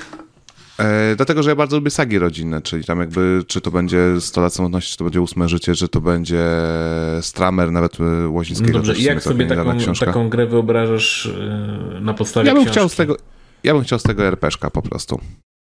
Okej, Wiesz? a na, na podstawie jakiejś Deed. konkretnej serii bądź, bądź książki? To mam, to mam właśnie też takie, taką odpowiedź. Była taka książka, nie, nie najlepsza, polska książka Jacka Denela e, pod tytułem Ale z naszymi umarłymi. E, książka o apokalipsie, o apokalipsie zombie, tylko jakby tam był taki ciekawy gimmick fabularny. Mielibyśmy strzelankę z zombiakami, tylko tam było tak, że zombie gryzły tylko obcokrajowców, Polaków nie, bo epidemia, epidemia wybuchła w Polsce i Polacy byli bezpieczni, ale wszyscy inni zostali, byli ścigani i gryzieni przez zombie. A czy obcokrajowy zombie y, mógł atakować Polaków? Mm, nie, on też atakował. Jakby nie chcę, nie chcę psuć, bo cała zabawa z tą okay, książką dobra. to jest doświadczenie tego, jak ta pandemia się e, tam rozwija. E, Polacy, jak to często bywa, jakby, bo to jest tak naprawdę symboliczne opisanie nas i polskości, więc jakby prędzej czy później polskość się odbije na Polakach też, nie? Ale e, ciekawe by to było, jakbyś miał polską grę o zombie, gdzie zombiaki byłyby tylko emigrantami i każdy Polak byłby bezpieczny tutaj, nie? I musiałby się barykadować przed zombiakami, znaczy bronić się w jakiś sposób na początku. Adam, pomysł na dodatek do Dying Light. E, totalnie tak, nie? Jakbyś miał jakieś, żeby to było mechaniczne. Najbardziej, czekaj, narodowy, nie wiem, jak się to nazywa, takie ładne określenie? No narodowy, e, pięknie. Wiesz, Poemat taki no narodowy właśnie, byłby, nie? Najbardziej narodowy dodatek wszechczasów. Poemat narodowy, wow. Only for Polish. E, Polska dla, by było dla spoko. zombiaków. Zombiaków. E, Polska a... dla zombiaków. Jezus. Anglia dla Polaków i zombiaków. No to chyba jest, e, to, tak, to jest dobra odpowiedź, nie? Kurde, to tak jak w Rokaterze, że ten, ta animacja tak dzisiaj Europa, jutro świat, nie? to tak samo, tylko już przerobić tak dzisiaj Polska, jutro świat. No dobrze, ja, ja tutaj się jaram, bo jest następne pytanie, które jest dobre. Czyli do mnie, wódeczka z archonem czy szlaban na granie przez miesiąc? Oho. I wydaje mi się, że. Tough Toys. Ciężko. Znaczy, ja już mówiłem na, na streamach też, kto, ten, kto był, to wie. Z Archonem to jak już to do oktagonu bym wszedł, nie? Nie na wódeczkę, no. Two men enter, one man leaves. Ale zresztą nie wiem, wydaje mi się, że Archon ma teraz fit life, więc yy, może, może nie pije, nie wiem. Ale jak pije, jeśli by chciał, to czemu nie? Zapraszamy. To jest, wiesz, wszystko jest możliwe. Świat jest, wiesz, świat się zmienia. Ej, jest szansa, że jak się napije z nami, to w końcu mu drugie jądro opadnie i będzie miał mutację głosową. No i to jest właśnie Dariusz, no. Dzień dobry. Dziękuję, dziękuję. Jestem do końca tygodnia. To powiedz w takim razie, jakie masz drukarki? E, kanona e, atramentową. Dziękuję, dobranoc. Na chwilę obecną mam dwa Endery, jeden S1 Pro i V3SE, to jest FDM. Natomiast jeśli chodzi o żywicę, to mam Anycubic 4K Photon i Saturn 3 Ultra. Plus, boże, jak się nazywało, Cobra, coś tam, Neo, bla, bla, bla. Mm, Anycubic Cobra, Neo. I leży u znajomego. Tak, i to jest pożyczone znajomemu, który próbuje ogarnąć druk 3D, idzie mu to jak krew z nosa, ale jak to ładnie mówią, internet jest dla ludzi, tylko trzeba wiedzieć, jak z niego korzystać. Miałbyś już e, drugie mieszkanie w pewnych latach, pewnie za te drukarki, nie? Stary, ja bym miał kurwa już trzy mieszkania za to, co ja wydałem na głupoty. Na głupoty ogólnie, nie? No drukarki akurat. Czytaj kobiety. Takie... Czytaj kobiety. Nie, no drukarki też są kosztowne. Przestań. Nie aż tak ten SMR nowy, co praktycznie teraz jest cały czas w użyciu, to jest 1000 zł. Okej, okay, dobra, nie, to ja się zatrzymałem, jak drukarki były trochę droższe. Już okej, okay, dobra, to wszystko jasne. Nie, nie, ceny poszły naprawdę dużo w dół. Zresztą to, co żeśmy z Azji kupili, tą Cobra Neo, to się chyba nazywa. O Jezu, ją nie? kupiłem za ile? 700 zł? Coś takiego. No. Więc... I żeby było śmieszniej, przepłaciliśmy, bo żeśmy ją kupili na preorderze, a teraz e, po, że tak powiem, już normalnym, oficjalnym wydaniu tego na rynek, ona jest troszkę tańsza normalnie w zakupie niż ci ludzie, którzy kupowali w preorderze. No w każdym razie, jeśli Więc... ktoś ma wolne y, 5 stówek i chce coś y, takiego do drukowania, byleby się pobawić tam i nie żeby jakoś tam się mocno w to wkręcać, da się coś znaleźć. Okej, okay, nie, po prostu ja pamiętałem jak to kosztowało jeszcze, jak były 4 zera, nie? Przy cenach. E, Adam, to dalej jest. Tylko to jest kwestia tego, że pytanie od kogo kupujesz i co kupujesz. Okay, okay. Wiesz, no to jest... Bo... Tak jak ze wiesz, wszystkim, tak? Czyli jakby górnej granicy nie ma, no. Nie no, górna granica jest, tylko pytanie, co ty rozumiesz poprzez górną granicę? Nie, no nie ma, możesz, możesz abstrakcyjne, full professional. kwoty zapłacić, bo wiesz, drukarki 3D mogą być tak wielkie jak chcesz i... Jo. No tak, um... tylko mi bardziej chodziło o to po prostu, że dochodzimy do pewnego momentu, kiedy mamy jakby pseudo hobby, a potem mamy takie profesjonalne, tak na przykład ta jedna firma, co teraz wypuściła jakiś tam swój model i do tej pory robiła drukarki właśnie dla rzeczy dentystycznych, jakiś protez i tak dalej. I teraz wypuściła swój model, taki hobby powiedzmy, czyli dla domowego użytku i kosztuje prawie 6 tysięcy. Ale to... I okej, okay, może jest zajebista, ale w tej cenie kupisz trzy drukarki lekką ręką, które w zupełności ci to zastarczą, no dobrze, co bo... ona oferuje i masę litrów żywicy. Gadamy dość długo na temat bardzo krótkiego pytania tak naprawdę, więc... Y, Dokładnie. E, Cztery. Lecimy dalej. Adam, dlaczego Pan Tadeusz jest najważniejszym dziełem polskiej literatury? Po latach wróciłem do tej książki i zasnąłem po drodze przynajmniej 14 razy. Czy to z braku, z braku lepszych dzieł y, wczesnych niepodległościowych romantyków? Mm, to nie jest absolutnie najlepszy polski e, utwór, nawet romantyczny. E, ten jego status taki szkolny to jest y, no, wielka szkoda dla, dla wszystkich Polaków, jakby generalnie, że, że was się do tego zmusza. E, ja też w wieku szkolnym nie przeczytałem pana Tadeusza i też po wielu latach dopiero do niego, na, na studiach nie przeczytałem już pana Tadeusza, dopiero po studiach przeczytałem pana Tadeusza. Mnie tam mnie do, do snu nie, nie zmusił, bo jakby nie mam problemu. E, z poematami i, i Mickiewicz pisał dużo gorsze rzeczy, a tutaj jakby pod względem skilla mu to wyszło całkiem nieźle. Jak to się rymuje, jak to płynie sobie. Natomiast to jest nudne jak flaki z olejem, jestem w pełni w stanie to zrozumieć. E, I jeżeli chodzi o polski romantyzm, mieliśmy taką rozmowę, żeby nie przedłużać, ale mieliśmy taką rozmowę nawet kilka dni temu w pracy, teraz jest akurat, zaczyna się już reforma e, oświatowa, jak zawsze przy nowej władzy, już się wykreśla rzeczy ze spisu lektur, a potem się będzie wykreślało następne, będą nowe podręczniki. I tak jak sobie rozmawiamy, to w naszym mniemaniu z tego romantyzmu polskiego to by mogło być wyłącznie zostawić balady i romanse i wywalić całą tą niepodległościową e, część tej literatury i wydaje mi się, że ta młodzież by niczego nie straciła. Okej. Okay. Tak powiem. Mm, no dobrze. To czy waszym zdaniem branża gier nie przechodzi w pewną stronę mobilizacji, czy gry są tworzone jak najszybciej, e, ale zarazem próbują cię zaangażować multiplayerem, czy może mikropłatnościami? Tak trochę nie po polsku jest napisane to pytanie, no ale... Gry przez to, że nie są tworzone coraz szybciej, tylko są tworzone coraz dłużej, to właśnie to wszystko, co tam w nich jest, to, to, to, to jest coraz intensywniejsze, nie? Bo gry muszą zarabiać więcej, bo jakby ich koszt zaczyna być już tak kosmiczny. Plus oczywiście nie, nie, nie. niektórzy są nie na żarcie znaczy, do końca też. Nie? Y, gry byłyby robione szybciej, gdyby nie konstrukcja tego, że e, wszystko się dzieje w grach jak w właśnie korporacji. No a korporacja nie lubi pośpiechu, Lubi jak wszystko jest y, spokojnie, określonymi, określoną metodologią nie, zrobione. Nie, nie. Mm. Korporacja lubi jak wszystko jest robione szybko, tak, żeby jak najszybciej się dorobić najmniejszym nakładem pracy. Ale potem jeszcze mają inwestorów i tak dalej, którym też trzeba jak najszybciej dać pseudozwrot. Ale procedury, procedury wszystko spowalniają.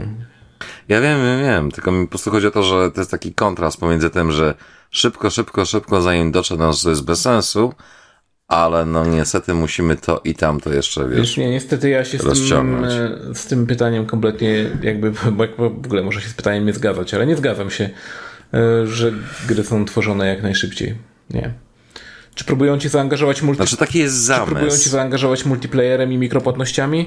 Od zarania dziejów. Hmm. Od zarania mikropłatności. No i, i multiplayera, tak? Od czasu Złotej Zbroi dla konia i Fortnite'a, czy jak się tam kurwa to zwało. Nie no, Fortnite to dość późna rzecz, nie? E, od czasu Złotej Zbroi dla konia i nie wiem, Halo. Bo... A kiedy w Halo były mikropłatności? Multiplayer, multiplayer. A, no to tak. No tak, zapomniałem, że jest ten magiczny mem, że masz kota z padem od Xboxa i There's a single player campaign. No. Pytanie dla całej ekipy, czym najbardziej gardzicie w obecnej branży growej? Kurwa, wszystkim. Dokładnie, branżą grową przede wszystkim. Ale chyba przede wszystkim tak wspólnie, jakbyś mieli odpowiedzieć jakby jako podcast, to wydaje mi się, że najczęściej nas łączy tutaj ten, ta pogarda dla, dla AAA rynku, tak? Czyli nie jesteśmy jakby oryginalni w naszych pogardach. Chyba tak. No, ale to właśnie wszystko się rozbija znowu o, o to, że to jest gigantyczna korporacja, nad tym pracuje e, tysiąc ludzi, przy czym każda pojedyncza osoba z tych, e, z tych ludzi pracujących nad tym zrobiła pewnie lepszą grę niż, niż robią wszyscy razem, tak? Mm. I szkoda czasu. Ogólnie rzecz biorąc, zarządzanie tym wszystkim. Tak. Zanim zaczęliśmy dzisiaj nagrywać, grałem sobie na komputerku w Rapid Racera z PlayStation 1, czyli wyścigi yy, Uuu, motorówek. Fajne, motoróweczki. I jakie to jest przeurocze i tak sobie myślę, tam pewnie... No i ta muzyka! Muzyka bo jest super po prostu, jakby ja muszę gdzieś skądś jakoś wyciągnąć tą muzykę i muszę w ogóle coś zrobić z tą grą, czy zrobić let's playa, czy coś nieważne. To jest ale... soundtrack? Mam na płytce, mogę ci wyripować. Pewnie, pewnie jest na YouTubie, więc można było pobrać zawsze. Na pewno jest, ale... ale... Mm, i tak sobie pomyślałem właśnie, że tam tą grę może pewnie robiło z 5 albo 10 osób, nie? I zrobili sobie giereczkę. Nie, więcej. I, i strasznie mi tęskno za latami 90. Jakby ja nie wiem, czy to jest część mojej nostalgii tego, że jestem już po 30 i w ogóle często wracam myślami do lat 90. Ale jeżeli chodzi o gry, to, to szalenie, nie? Wyścigi motorówek, Adam, wyścigi samolotów. Względem... Jezus, jak ja bym w takie rzeczy pograł. Adam, ja ci powiem jedną rzecz, która będzie bolesna. To nie jest tak, że my tęsknimy, bo jakaś nostalgia czy coś, tylko Kiedyś gry były robione przez ludzi, którzy chcieli grać w te gry, a obecnie gry są robione pod nadzorem ludzi, którzy nigdy w żadną grę nie grali, ale o, bo to się sprzedaje, to teraz zróbmy to. No Big Data im jeszcze o, podpowiada, teraz się coś nie? Sprzedaje. Być, jakby, jak ja czytałem, że w grze nie może być zagadki logicznej, która by wymagała zatrzymania się na więcej niż 5 minut, bo to jest zbyt duże zagrożenie jakby dla produktu, no to, to, to, czego co, to super, y, dobrze się składa akurat, bo tęsknisz za takimi czasami, które trochę się zatrzymały w Japonii. Mhm. Więc to będzie dla ciebie też e, dobre doświadczenie pojechać tam i to przeżyć. I w tym momencie oczywiście zapraszamy jak najbardziej do wspierania nas na Patronite, mm, gdyż tak, lecimy do Japonii. I to już jest właściwie przyklepane i o tym nie mówiliśmy też w podcaście, więc mówimy teraz że to jest przyklepane tak, że na pewno lecimy do Japonii. Jest to już było przez chwilę kryzysowo. No, przez jeden, Oj, tam, przez, tam, przez, nie, przez dwie Adam, krótkie godzinki Adam, było mi bardzo kryzysowo. Adam bardzo tam marudził, ale nie. nie. Ja marudziłem. Oczywiście, że tak. My po prostu... Kurwa, Adam, nie śpi, tylko uważaj. nie wolno spać. Jest zakaz spania. Pamiętasz te wszystkie nagłówki z jakichś tam faktów, czy tych nie śpię, bo gazetek z gatunku. Dokładnie. Nie śpi, bo jedziemy do no. Japonii. Ja wyobrażałem to od samego początku, że to będzie wyglądać tak jak w y, komik komiksie, swoją drogą, webkomiksie, ale nadal y, Mega Tokio, gdzie po prostu pójdziemy na jakąś popijawę, upijemy się i, i, i nagle się wszyscy o, skończymy w samolocie. w samolocie, tak, do, do Japonii. Ej, Mega Tokio było fajne, dopóki się nie zepsuło. No. No ale tak, dobra, to y, lecimy dalej. Y, kiedy w końcu dorośniecie i zajmiecie się czymś poważniejszym niż gierki dla dzieci? Jeszcze długo, długo nie, a później wcale. Im, im, Im poważniejszymi rzeczami się zajmuję w życiu, tym bardziej kocham gierki. No właśnie. Poza tym, co robię, znaczy poważniejsze teraz, rzeczy w życiu? Mam nadzieję, drogi słuchaczu, który zadałeś to pytanie, że oglądasz nas na YouTubie i widzisz mój judgmental look teraz. Kim ty, kurwa, jesteś, pajacu? um, to jest bardzo dziwne pytanie, nie wiem o co w nim chodzi, może jakby adresat się wypowie, czyli konsolajte. Czy mógłbyś, możesz? Nie. Okej. Okay. E, jakie były inne pomysły na nazwę podcastu? I tu chyba muszę się wypowiedzieć tak naprawdę ja, bo podcast powstał jeszcze za czasów, kiedy nagrywaliśmy to z Przemkiem. E, już bardzo, bardzo dawno temu. Hmm, czy inne, w ogóle nie pamiętam, żeby były inne pomysły na nazwę podcastu. E, były na pewno jakieś po prostu bardzo proste pomysły typu wciśnij start podcast albo nie wiem startcast ale jakby to wszystko się rozbijało o to, o to na ile to jest y, mm, oryginalne, w sensie, że tego po prostu nigdzie nie ma, tak? Więc jak y, wymyśliliśmy nasze pograduszki, to zgoogliliśmy po prostu, czy ktokolwiek wcześniej to zrobił, no i nie, jest, co prawda był event Pogradajmy, który jakby może teoretycznie nas oskarżyć o, o, o plagiat, ale generalnie wpadliśmy To się na nie to liczy. bez y, intencji jakby jakiegokolwiek tutaj ten... No ale to jest inna, inna, inna jednak nazwa, więc powiedzmy, że e, no, tak to wygląda. Nie, nie było żadnych innych e, pomysłów jakichś skomplikowanych. Ale wcześniej było alko pograduszki, Wcześniej było do alko którego pograduszki, musimy tak, no, ale wrócić. to było tylko i wyłącznie dlatego, że no była e, zakrapiana, zakrapiany podcast. To. Ej, ja kontynuuję tradycję. No tak, dlatego teraz już nie ma sensu, bo jakby wiadomo, że pograduszki to jest pijany konsolajter, tak? Ja, ja kontynuuję trzeźwość, ale y, w przyszłym, w przyszłym odcinku może ja zrobię właśnie wyjątek. To było dobre. O kurczę, no nie no, Adam, Adam, Ja Adam w tym momencie jest trochę jak e, taki student prawa, on musi każdemu powiedzieć o tym, że on nie pije.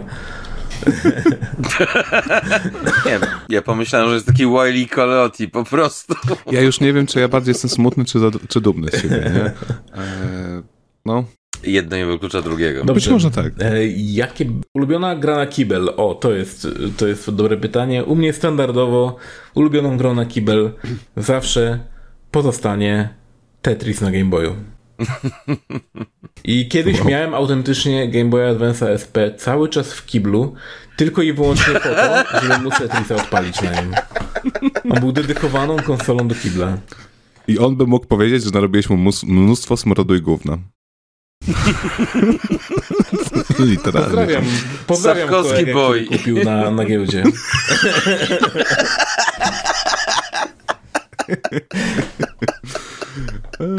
Ojej, ojej, ojej, jakie to było A złe. teraz nie wiem, U muszę mnie to Witę s- chyba wstawić. U mnie to są gry z Apple Arcade'a. E, ja bardzo w ogóle lubię Apple Arcade'a e, i sprawdzam często te gry i, i, i A zawsze... Apple jeszcze istnieje? Tak, istnieje i ma Tak, się tak, bardzo tak. dobrze w ogóle. E, dużo bardzo fajnych gier w Apple Arcade'zie przekiblowałem. No dobrze, Dariuszu, czy, Dariuszu, Przesrałeś. czy cokolwiek u ciebie było takiego, w co grałeś na kiblu albo grasz? Ostatnio to Zelda, ale ogólnie to tak nie mam nic takiego. U mnie, jeżeli cokolwiek tak można nazwać, że granie na kiblu to jest po prostu przeglądanie komentarzy na forum i YouTube'a. No tak. No. Ja jeszcze czasami Nie wiem. lubię grać w konfiguratory samochodów. W sensie odpalam sobie na komórce na przykład konfigurator Porsche i sobie robię Porsche. Potem patrzę, że on kosztuje kilka tam ponad milion złotych i, i o, minęło 20 minut, no chyba czas zejść, tak? Moja przerwa się skończyła. No, więc tak to wygląda, no.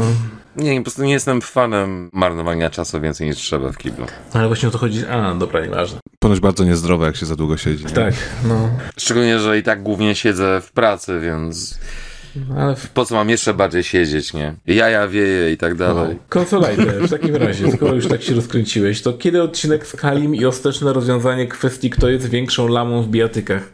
Proponuję streamowany, nagrany pojedynek w trzech grach. Tekken, Street Fighter i Guilty Gear. Ja bardzo chętnie, ale zając Kaliego to jeszcze długo, długo nie, a później wcale. Raz, że oficjalnie napisał mi, że się nie lubimy. No co mu odpowiedziałem, że nie wiem, ja do ciebie nic nie mam, tym, że jesteś debilem, ale whatever, nie? Ale biorąc pod uwagę, że jak był King of Fighters, kurde, który to był, 16? Nieważne, ten ostatni, to przez tydzień czasu nie udało się zgadać, bo zawsze był zajęty albo coś innego i tak dalej, żeby przetestować online. Z Street Fighter 6 było podobnie, więc skończyło się na tym, żeśmy grali z Adamusem online. To prawdopodobnie raczej 99,9% jeszcze długo, długo nie, biorąc pod uwagę, że już jest i tak na pożyczonym czasie, więc raczej nigdy Jesteś, pewnie. jesteś po prostu super miłym człowiekiem, z którym się bardzo dobrze e, rozmawia. Ja bym chciał, Dokładnie, chciał no. powiedzieć, że z Kalim nagrałem chyba jeden z najlepszych odcinków bez dyskusji w historii podcastu, nie? To tak przy okazji wtrącę. No ale wiesz... Ale ja z, nim, ja z nim nie muszę grać w bietek i tak, bo my się lubimy, no właśnie. Ale powiem tylko tyle, że Kali zawsze ma tendencję do tego, że jak dostaje w pierdol, to ja się rozkręcam jak ludzki telewizor. Ja zapomniałem, mój pad coś tam jest moim padem, bo ja mam swojego pada wyrobionego. Bla bla bla bla bla bla bla bla bla bla bla bla bla bla bla bla bla Ja jestem, pe- ja jestem pewny, że Darek też jest całkiem słabym graczem. Tak. tak no. Więc to był Lepszym niż Kali. Żaden dziennikarz nie jest dobrym graczem. No właśnie. Ale nie jestem dziennikarzem. Dobra, dobra, tak sobie powtarzasz tylko, a wszyscy wiemy, jaka jest prawda, tak? Adam, jak w dobie łatwo dostępnej elektronicznej rozrywki, internetu, platform streamingowych i tak dalej, odnajdujesz w sobie siłę do regula- regularnego czytania? To już jest dziwne, nie? To, w sensie to, że, że ktoś ci mówi, że czyta, to już naprawdę budzi zdziwienie. No nie? Chyba już jest to. Chyba, już, chyba, chyba to już się rzeczywiście oficjalnie stało. Eee, odpowiem na to pytanie w taki sposób, chyba najbliższy memu serduszku. Tak? Serduszka najbliżej. Eee, A masz dwa? jestem, jestem, jestem, jak, jestem jak Godzilla w, w drugiej serii, Polski nie? Mam, mam, język, dwa, mam, dwa, mam dwa serca. Nie, tam były dwa mózgi, przepraszam. Eee, Doktor Who, kurde. Właśnie przez to, że mamy tak dużo tych e, rzeczy, jakby możliwych, to ja chyba właśnie paradoksalnie czytam, bo gdyby to zależało wyłącznie ode mnie, to bym pewnie wyłącznie grał. Ale jeżeli ja będę grał 4 godziny w ciągu jednego dnia po pracy, gdzie w pracy i tak jestem troszeczkę już zdewastowany, e, wiecie, bodźcowo, e, to ja już pewnie nie zasnę. Czytanie jest dla mnie taką desperacką próbą na uspokojenie też własnego mózgu. Czyli relaks. Mhm. A Więc w tym momencie czytanie jest już też częścią jakby terapii e, i jakiegoś powrotu do zdrowia. E, ale miałem też momenty, w których nie czytałem, jakby w zeszłym roku, pół roku nie czytałem wcale, a teraz w tym roku już chyba robię siódmą książkę, a mamy co luty, więc e, to przychodzi i odchodzi. Czyli fazowo.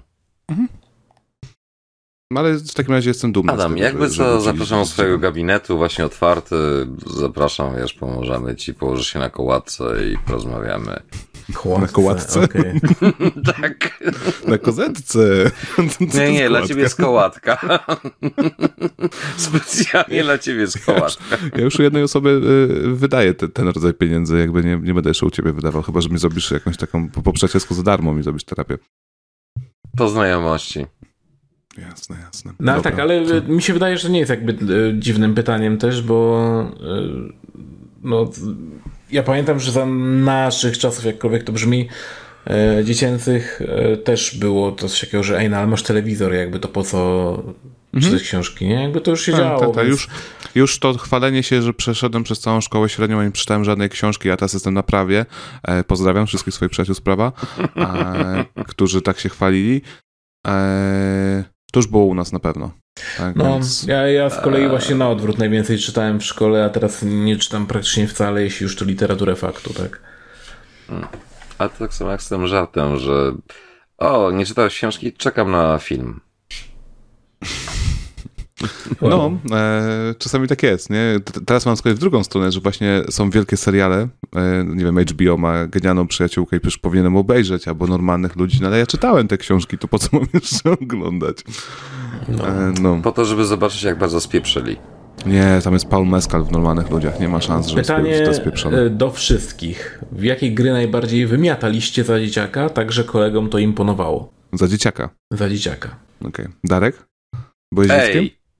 Darek nigdy, nigdy nie wymiatał w żadną grę przy Jak on był dzieckiem, to jeszcze nie było gier, nie? Przecież więc Tak, ciężko, on tam- w kapsle wymiatał, kurwa. a żebyś kurwa wiedział. Miałem maści. Dla wszystkich, którzy nie wiedzą o co chodzi, Google it. Od Wyścigi, kapsli podały paznokcie. wyścigi z patykiem e, z kupą. Ej, to jest tylko dla bogatych, bo mieli patyk. To ja zacznę wiem, w takim razie. powiedziawszy. Crash, Crash Team Racing był e, najmocniejszą grą moją e, w tych latach nastoletnich. Śmieszne były dla mnie tam tablice wyników w czasopismach, jak porównywałem je z, z, z naszymi najlepszymi wynikami. Miałem takiego przyjaciela, z którym spędzałem przy Crash Team Racing naprawdę setki godzin e, i, i tą grę już, no, do dzisiaj potrafię zresztą e, grać w Crasha, to też ciekawe. Mam kilka tras, które mogę grać i wygrać z, z zamkniętymi oczami. To znaczy mogę, mogę po ciemku jechać, nie? I dam sobie radę. Okej, okay, ale to ciekawe, że w ogóle u ciebie jakby ktoś grał też w tego Crasha, nie? Bo... E, cała, cała ekipa. Nikt, nie, nie, chodzi o to, że nikt nie miał Nintendo, nikt nie miał tak, e, tak, Mario. Ale, nie było Mario nie, Kart. Po prostu chodzi mi o to, że jakby tak próbuję to trochę do siebie przełożyć i u mnie, kurde, nikt w ogóle Crasha się nie grał, nie? Wszyscy u nas kurwa grali w Crasha, każdy potrafił narysować nawet e, trasy na kartce, nie? Ci narysować jak, jak trasa biegnie. Okej. Okay. No, tak więc tam hardcore podchodził, totalne pro rzeczy. Um, ale lubię do dzisiaj, jak ktoś mnie zaprasza, mam sąsiadów e, z PlayStation i mnie zaprosili raz na, mówili, powiedzieli, że mają fajną giereczkę taką, że mają skrasza giereczkę, ale że się jeździ i mnie zaprosili na Nitro Fueled, e, czyli ten remake CTR-a. Mm. I się tylko zapytałem tego pana, czy uważa, że całkiem dobrze mu idzie. On powiedział, że tak. Ja mówię, to patrz teraz. I to wow, mi została z tą grą. E ja chyba miałem taką sytuację, no kilka razy w sumie, bo jakby za dzieciaka nigdy nie uważałem za jakiegoś prosa w cokolwiek. Nigdy nie miałem czegoś takiego, że o, w tym jestem dobry. ale miałem takie momenty, że ktoś mnie uświadamiał w tym. Typu na przykład ze swoim e, kuzynem, którego serdecznie pozdrawiam, który pewnie nie ogląda tego, ale gdyby oglądał, to go pozdrawiam. Um, linka. Zgadaliśmy się kiedyś na e, sesję RPG. No i jak to na sesjach RPG, która w ogóle trwała kilka dni. To było taka bardziej wyjazd na wieś w sumie. W przerwach oczywiście fajnie było sobie pograć w coś na PlayStation. No i ja tam z kuzynem często grałem w Soul Calibura, aczkolwiek nigdy nie czułem, żebym jakoś tam go totalnie rozjeżdżał albo żeby on mnie. E, no i wszyscy tam, którzy byli, byli totalnymi pro. Jakby wiesz, oni, oni się uważali przynajmniej za totalnych pro w Soul Calibura. Oni są Mistrz osiedla. Tak. E, no i w, tam się za bardzo nie wychylałem, bo ja ogólnie zawsze byłem taki raczej cichym, e, cichą szarą myszką. I mój kuzyn wtedy powiedział, że. dobrze, Girwie. Mój kuzyn wtedy powiedział, że no jak chcecie, to zagrajcie z Mateuszem, on, on was rozjedzie, nie? Ja mówię, nie no, co ty, daj spokój, nie? No i tak się stało, że faktycznie jakby w Sokalibura miałem, miałem skilla. W Sokalibura y, inną sytuację miałem z, mm, z neznajomym, znaczy inaczej, z bratem mojej znajomej, jak byłem u niej w domu. Y, grał akurat w Budokai Tenkaichi 3 właśnie, którego no, ale my w to my też kochaliśmy wymiatać, w sensie tak. ja tyle godzin w to zagrałem. Tak, no. ale ja, ja nie grałem w to jakoś tak super, nie? W sensie moi znajomi grali w to bardzo... Ale Budokai Tenkaichi 3, czyli tak. ten, co był dzielony ekran na pół, nie Budokai 3. Był dzielony ekran na pół, tak. Tenkaichi, z kamerą TPP tak, w zasadzie. Tak, tak, tak. tak, jest, tak, jak ja kochałem tę grę, no.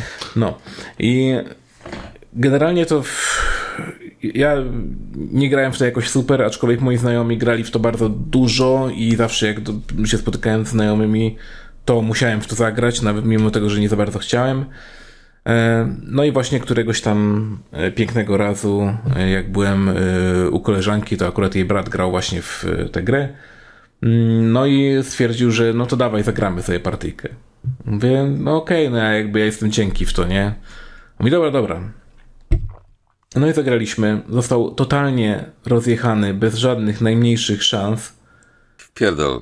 E, po czym e, generalnie powiedział, no tam no, dobrze grasz, dobrze ci idzie, nie? No nie wiem, tam wiesz, tam, no, trochę grałem z znajomymi, ale jakoś tam nie przepadam za bardzo tą grę. Jakby się z Calibura zagrali, to bym ci pokazał. E, no aha, dobra, dobra. No i y, potem dostałem od niego wiadomość następnego dnia y, na Messengerze, bodajże, czy na jakimś innym tam komunikatorze, gadu, że gadu. ej, ale dopiero teraz mi siostra powiedziała, że ty nie masz ręki. tak, no, no, tak. A tak dobrze grasz w Budokaja. No tak. Wow. I to była ostatnia wiadomość chyba, nie? Potem y, chłop popełnił rytualne Kawasaki i no, i już raczej ze sobą nie gadaliśmy. Oj tam, oj tam, zawsze możesz powiedzieć, jak przyjdziesz na jego nagrobek i tak dalej. Dalej jestem lepszy od ciebie. No. Bez ręki. To Bez ręki. najbardziej hot laska w grach ever to. To jest y, pytanie wymierzone w Adama. Ale ja odpowiem na to pytanie. Dobrze. Em, tylko, że to, ta odpowiedź już będzie dzisiaj pewnie, y, już będzie kontrowersyjna teraz, e, ponieważ była Jak jedna powiesz laska... Abi, to na pewno. Nie, była jedna laska, która e, mnie nawet popychała w stronę odkładania na konsolę. I to była Riku z Final Fantasy X i z, dokładnie z 10.2. Mm, tylko, że wtedy miałem te 13 lat, nie? Więc to nie było takie kontrowersyjne, jakby było teraz, jakbym powiedział, że Riku. Ale to była tak, no pod względem e, tak historycznie chyba najważniejsza e, hot laska dla mnie w grach. Okej. Azji? Ciężko, ciężko coś wybrać. Zastanawia się. Nie, naprawdę, bo jest... Co, co gra to hotlaska, więc jakby, no ciężko, tak? Nie w dzisiejszych czasach, nicząc Stellar Blade. No niby tak, ale nie, jakby dalej są japońskie gry jakieś, więc no... Jeśli już też by pewnie był ktoś z Finala, aczkolwiek y, dla mnie to by było bardziej z y, y, Finala mm, dziesiątki też, tylko Lulu. y, Lulu. Lulu, no to... No chyba, że Juna, ej, jeszcze zawsze może być Team Juna. Dzisiaj, tak Bitch, patrzę z perspektywy czasu, Bitch, to ja bym był. Team Juna już. Bitch, Nie. Juna Bitch, na poziomie e, 10-2. Riku mi się z kolei bardzo podobała w y, dziesiątce dwójce. Ciekawe dlaczego. Nie, była. W, tam już była totalnie comedy reliefem, więc no. Tak, ale była też ubrana dużo bardziej hot, nie? Jakby y, to, że ona, mia, ona ile miała lat w tej grze, tam 12-13 i te stringi co jej wystawały i jakby tam, tam, tam grubo było już. Adam, pedofilia już jedzie do ciebie, spokojnie. To ja powiedziałem o Riku, więc no cóż. Hej, hej, moment, moment, aż sprawdzę zaraz, nie?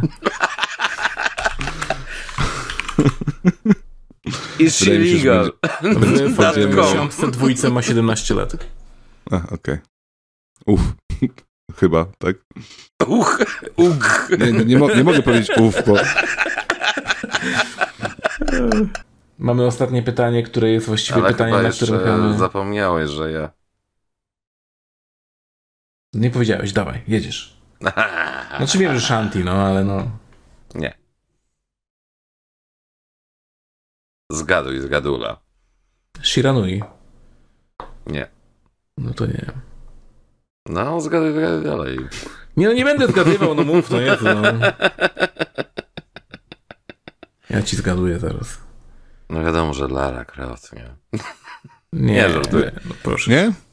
Nie była Nie, dla ciebie nie, ważna? nie. E, Nie. Dla mnie bardzo ważny był plakat Larry Croft z Angel of Darkness, e, bo to też były czasy jeszcze zanim miałem PlayStation 2. Hmm. Była e, przesuper i były też komiksy Tomb Raider, które były też przesuper dla mnie wtedy. Mm, No, przez Image Comics. Nie, sorry, Matt Cow to wydawało. Z tym gościem, który robił Witchblade i tak dalej. Więc wiadomo, że było... Mm. eee, Ayane z The Light 2. No, jak to jest takie normickie, ojejku. Jakie kurwa? Nie, dobrze, dobrze, ja nic nie mówię, nie. Nie, no serio, jakie kurwa macie Ignoruj- jakie Ignoruj norwickie? kompletnie to, co powiedziałem. A czego akurat Ayane w tych wszystkich? To jest zajebiste. Dead or Alive 2. Ej, no, Najlepsza gierka, no. drugi...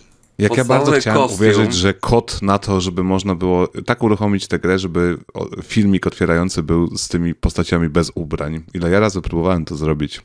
Ty zboczeńcu. Em, Nie, sorry, ja 12 byłem albo 13 normalny i nigdy nie próbowałem takich rzeczy. Miałem mody.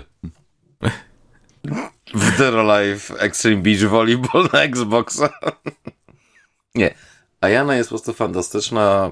Po prostu jest złośliwa, sarkastyczna, zła cały czas. I ma tą zajebistą kokardkę, która mi się kojarzy że takim prezentem świątecznym, że wiesz, możesz ją rozpakować. Wow. Fajnie. Nie no, z or Alive to już bardziej bym myślał, że Hitomi raczej, no ale okej. Nie, Ayane, Ayane, Ayane, definitywnie Ayane. Chociaż obecnie to w sumie Reina z taka ósemki jest fajna, ale to bardziej na zasadzie hypu, hypu. No dobrze, to w takim razie zostawiamy konsolajtę z pytaniem ulubiona seria bijatyki, dlaczego właśnie ta? Rozwiń swoją odpowiedź, jak najbardziej się da. Nie żałuj sobie. Ale prosimy jednak, prosimy jednak żebyś sobie pożałował troszeczkę. Pół godziny później. Nie no, my możemy po prostu wyjść w tym momencie i go zostawić, żeby on sobie gadał, tak? Będziesz odpowiadał, czy będziesz palił? Y, Ludzie, którzy teraz tego słuchają na Spotify, jakby są pewnie bardzo zdziwieni, nie? Dlaczego, dlaczego jest Znaczy cisza? na Spotify też jest wideo, nie? Ale na, ci na Apple Podcast na przykład, co słuchają, to już Nie, mają mindfuck. Wiesz, buduje napięcie. Bo O no, Jezus, serią bijatek jest Dead or Alive. Guilty Gear. Szok. Niemożliwe. Rany bosk. Nie, ale dlaczego? Po pierwsze muzyka. Po pierwsze muzyka. Po prostu to jest jedyna seria bijatek, która od początku, dosłownie pierwszej sekundy, kiedy odpalasz, atakuje cię gitarowymi riffami i takim totalnie tandetnym J-rockiem, jak to tak zwał, inspirowanym wszystkim, co jest najbardziej znanych muzycznych, jeżeli chodzi o ACDC, tam nie Iron Maiden, e, Boże, co tam jeszcze kurde było. To nawet dzięki Bogu nie, bo mamy takie saksy, ale dlaczego? Wiem, tak strasznie na i tak dalej. Ale po prostu sam poziom absurdu tego, co się w tych bijatkach dzieje w tej serii jest po prostu. A właśnie, tak naprawdę, nie, nie Ajane, Jaco, potem Ajane. Zawsze Jaco, zawsze Jaco. Ja po prostu kilka serii wygląda fenomenalnie. Pierwsza część była, delikatnie mówiąc, zamieciana pod dywan, bo mamy i tak dalej. A jak już na tym kaście są że to jest absurdalne. Bo 440, 490, to jest to wiesz, ręce padają. Tak, i już właśnie widzę, jak wszyscy są bardzo zafascynowani. Tak, i dziękujemy w takim razie bardzo za odpowiedź. Nie, ale dosłownie. Zajebista muzyka, zajebisty system, cała masa absurdów i tak dalej, czyli przykład jakieś specjalne ataki typu zabijanie jednym atakiem i potem masz takie, szczególnie w i tak dalej. Taka scenka z gatunku, ale o co chodzi? Tak, Dizzy puszcza swojego Destroy i postać. Ale o co chodzi? I Surrender. To Gear, Guilty Gear, Guilty Gear. Dobrze. Dziękujemy Potem bardzo za odpowiedź. E, Dziękujemy bardzo też, że byliście z nami, bo to właściwie jest już e, koniec naszego odcinka. E, Wyjątkowego, Nie ma więcej pytań? specjalnego. Tak, to było 50 pytań, przysięgam. Na pewno było Ale ja mam 50. pytanie. Ja mam pytanie. Dobra, dawaj, jak masz pytanie, dawaj. Dlaczego już? Dlaczego koniec? Odpowiedź Nie, jest taka, spoko. że jest koniec. Dziękujemy bardzo za to, że byliście z nami.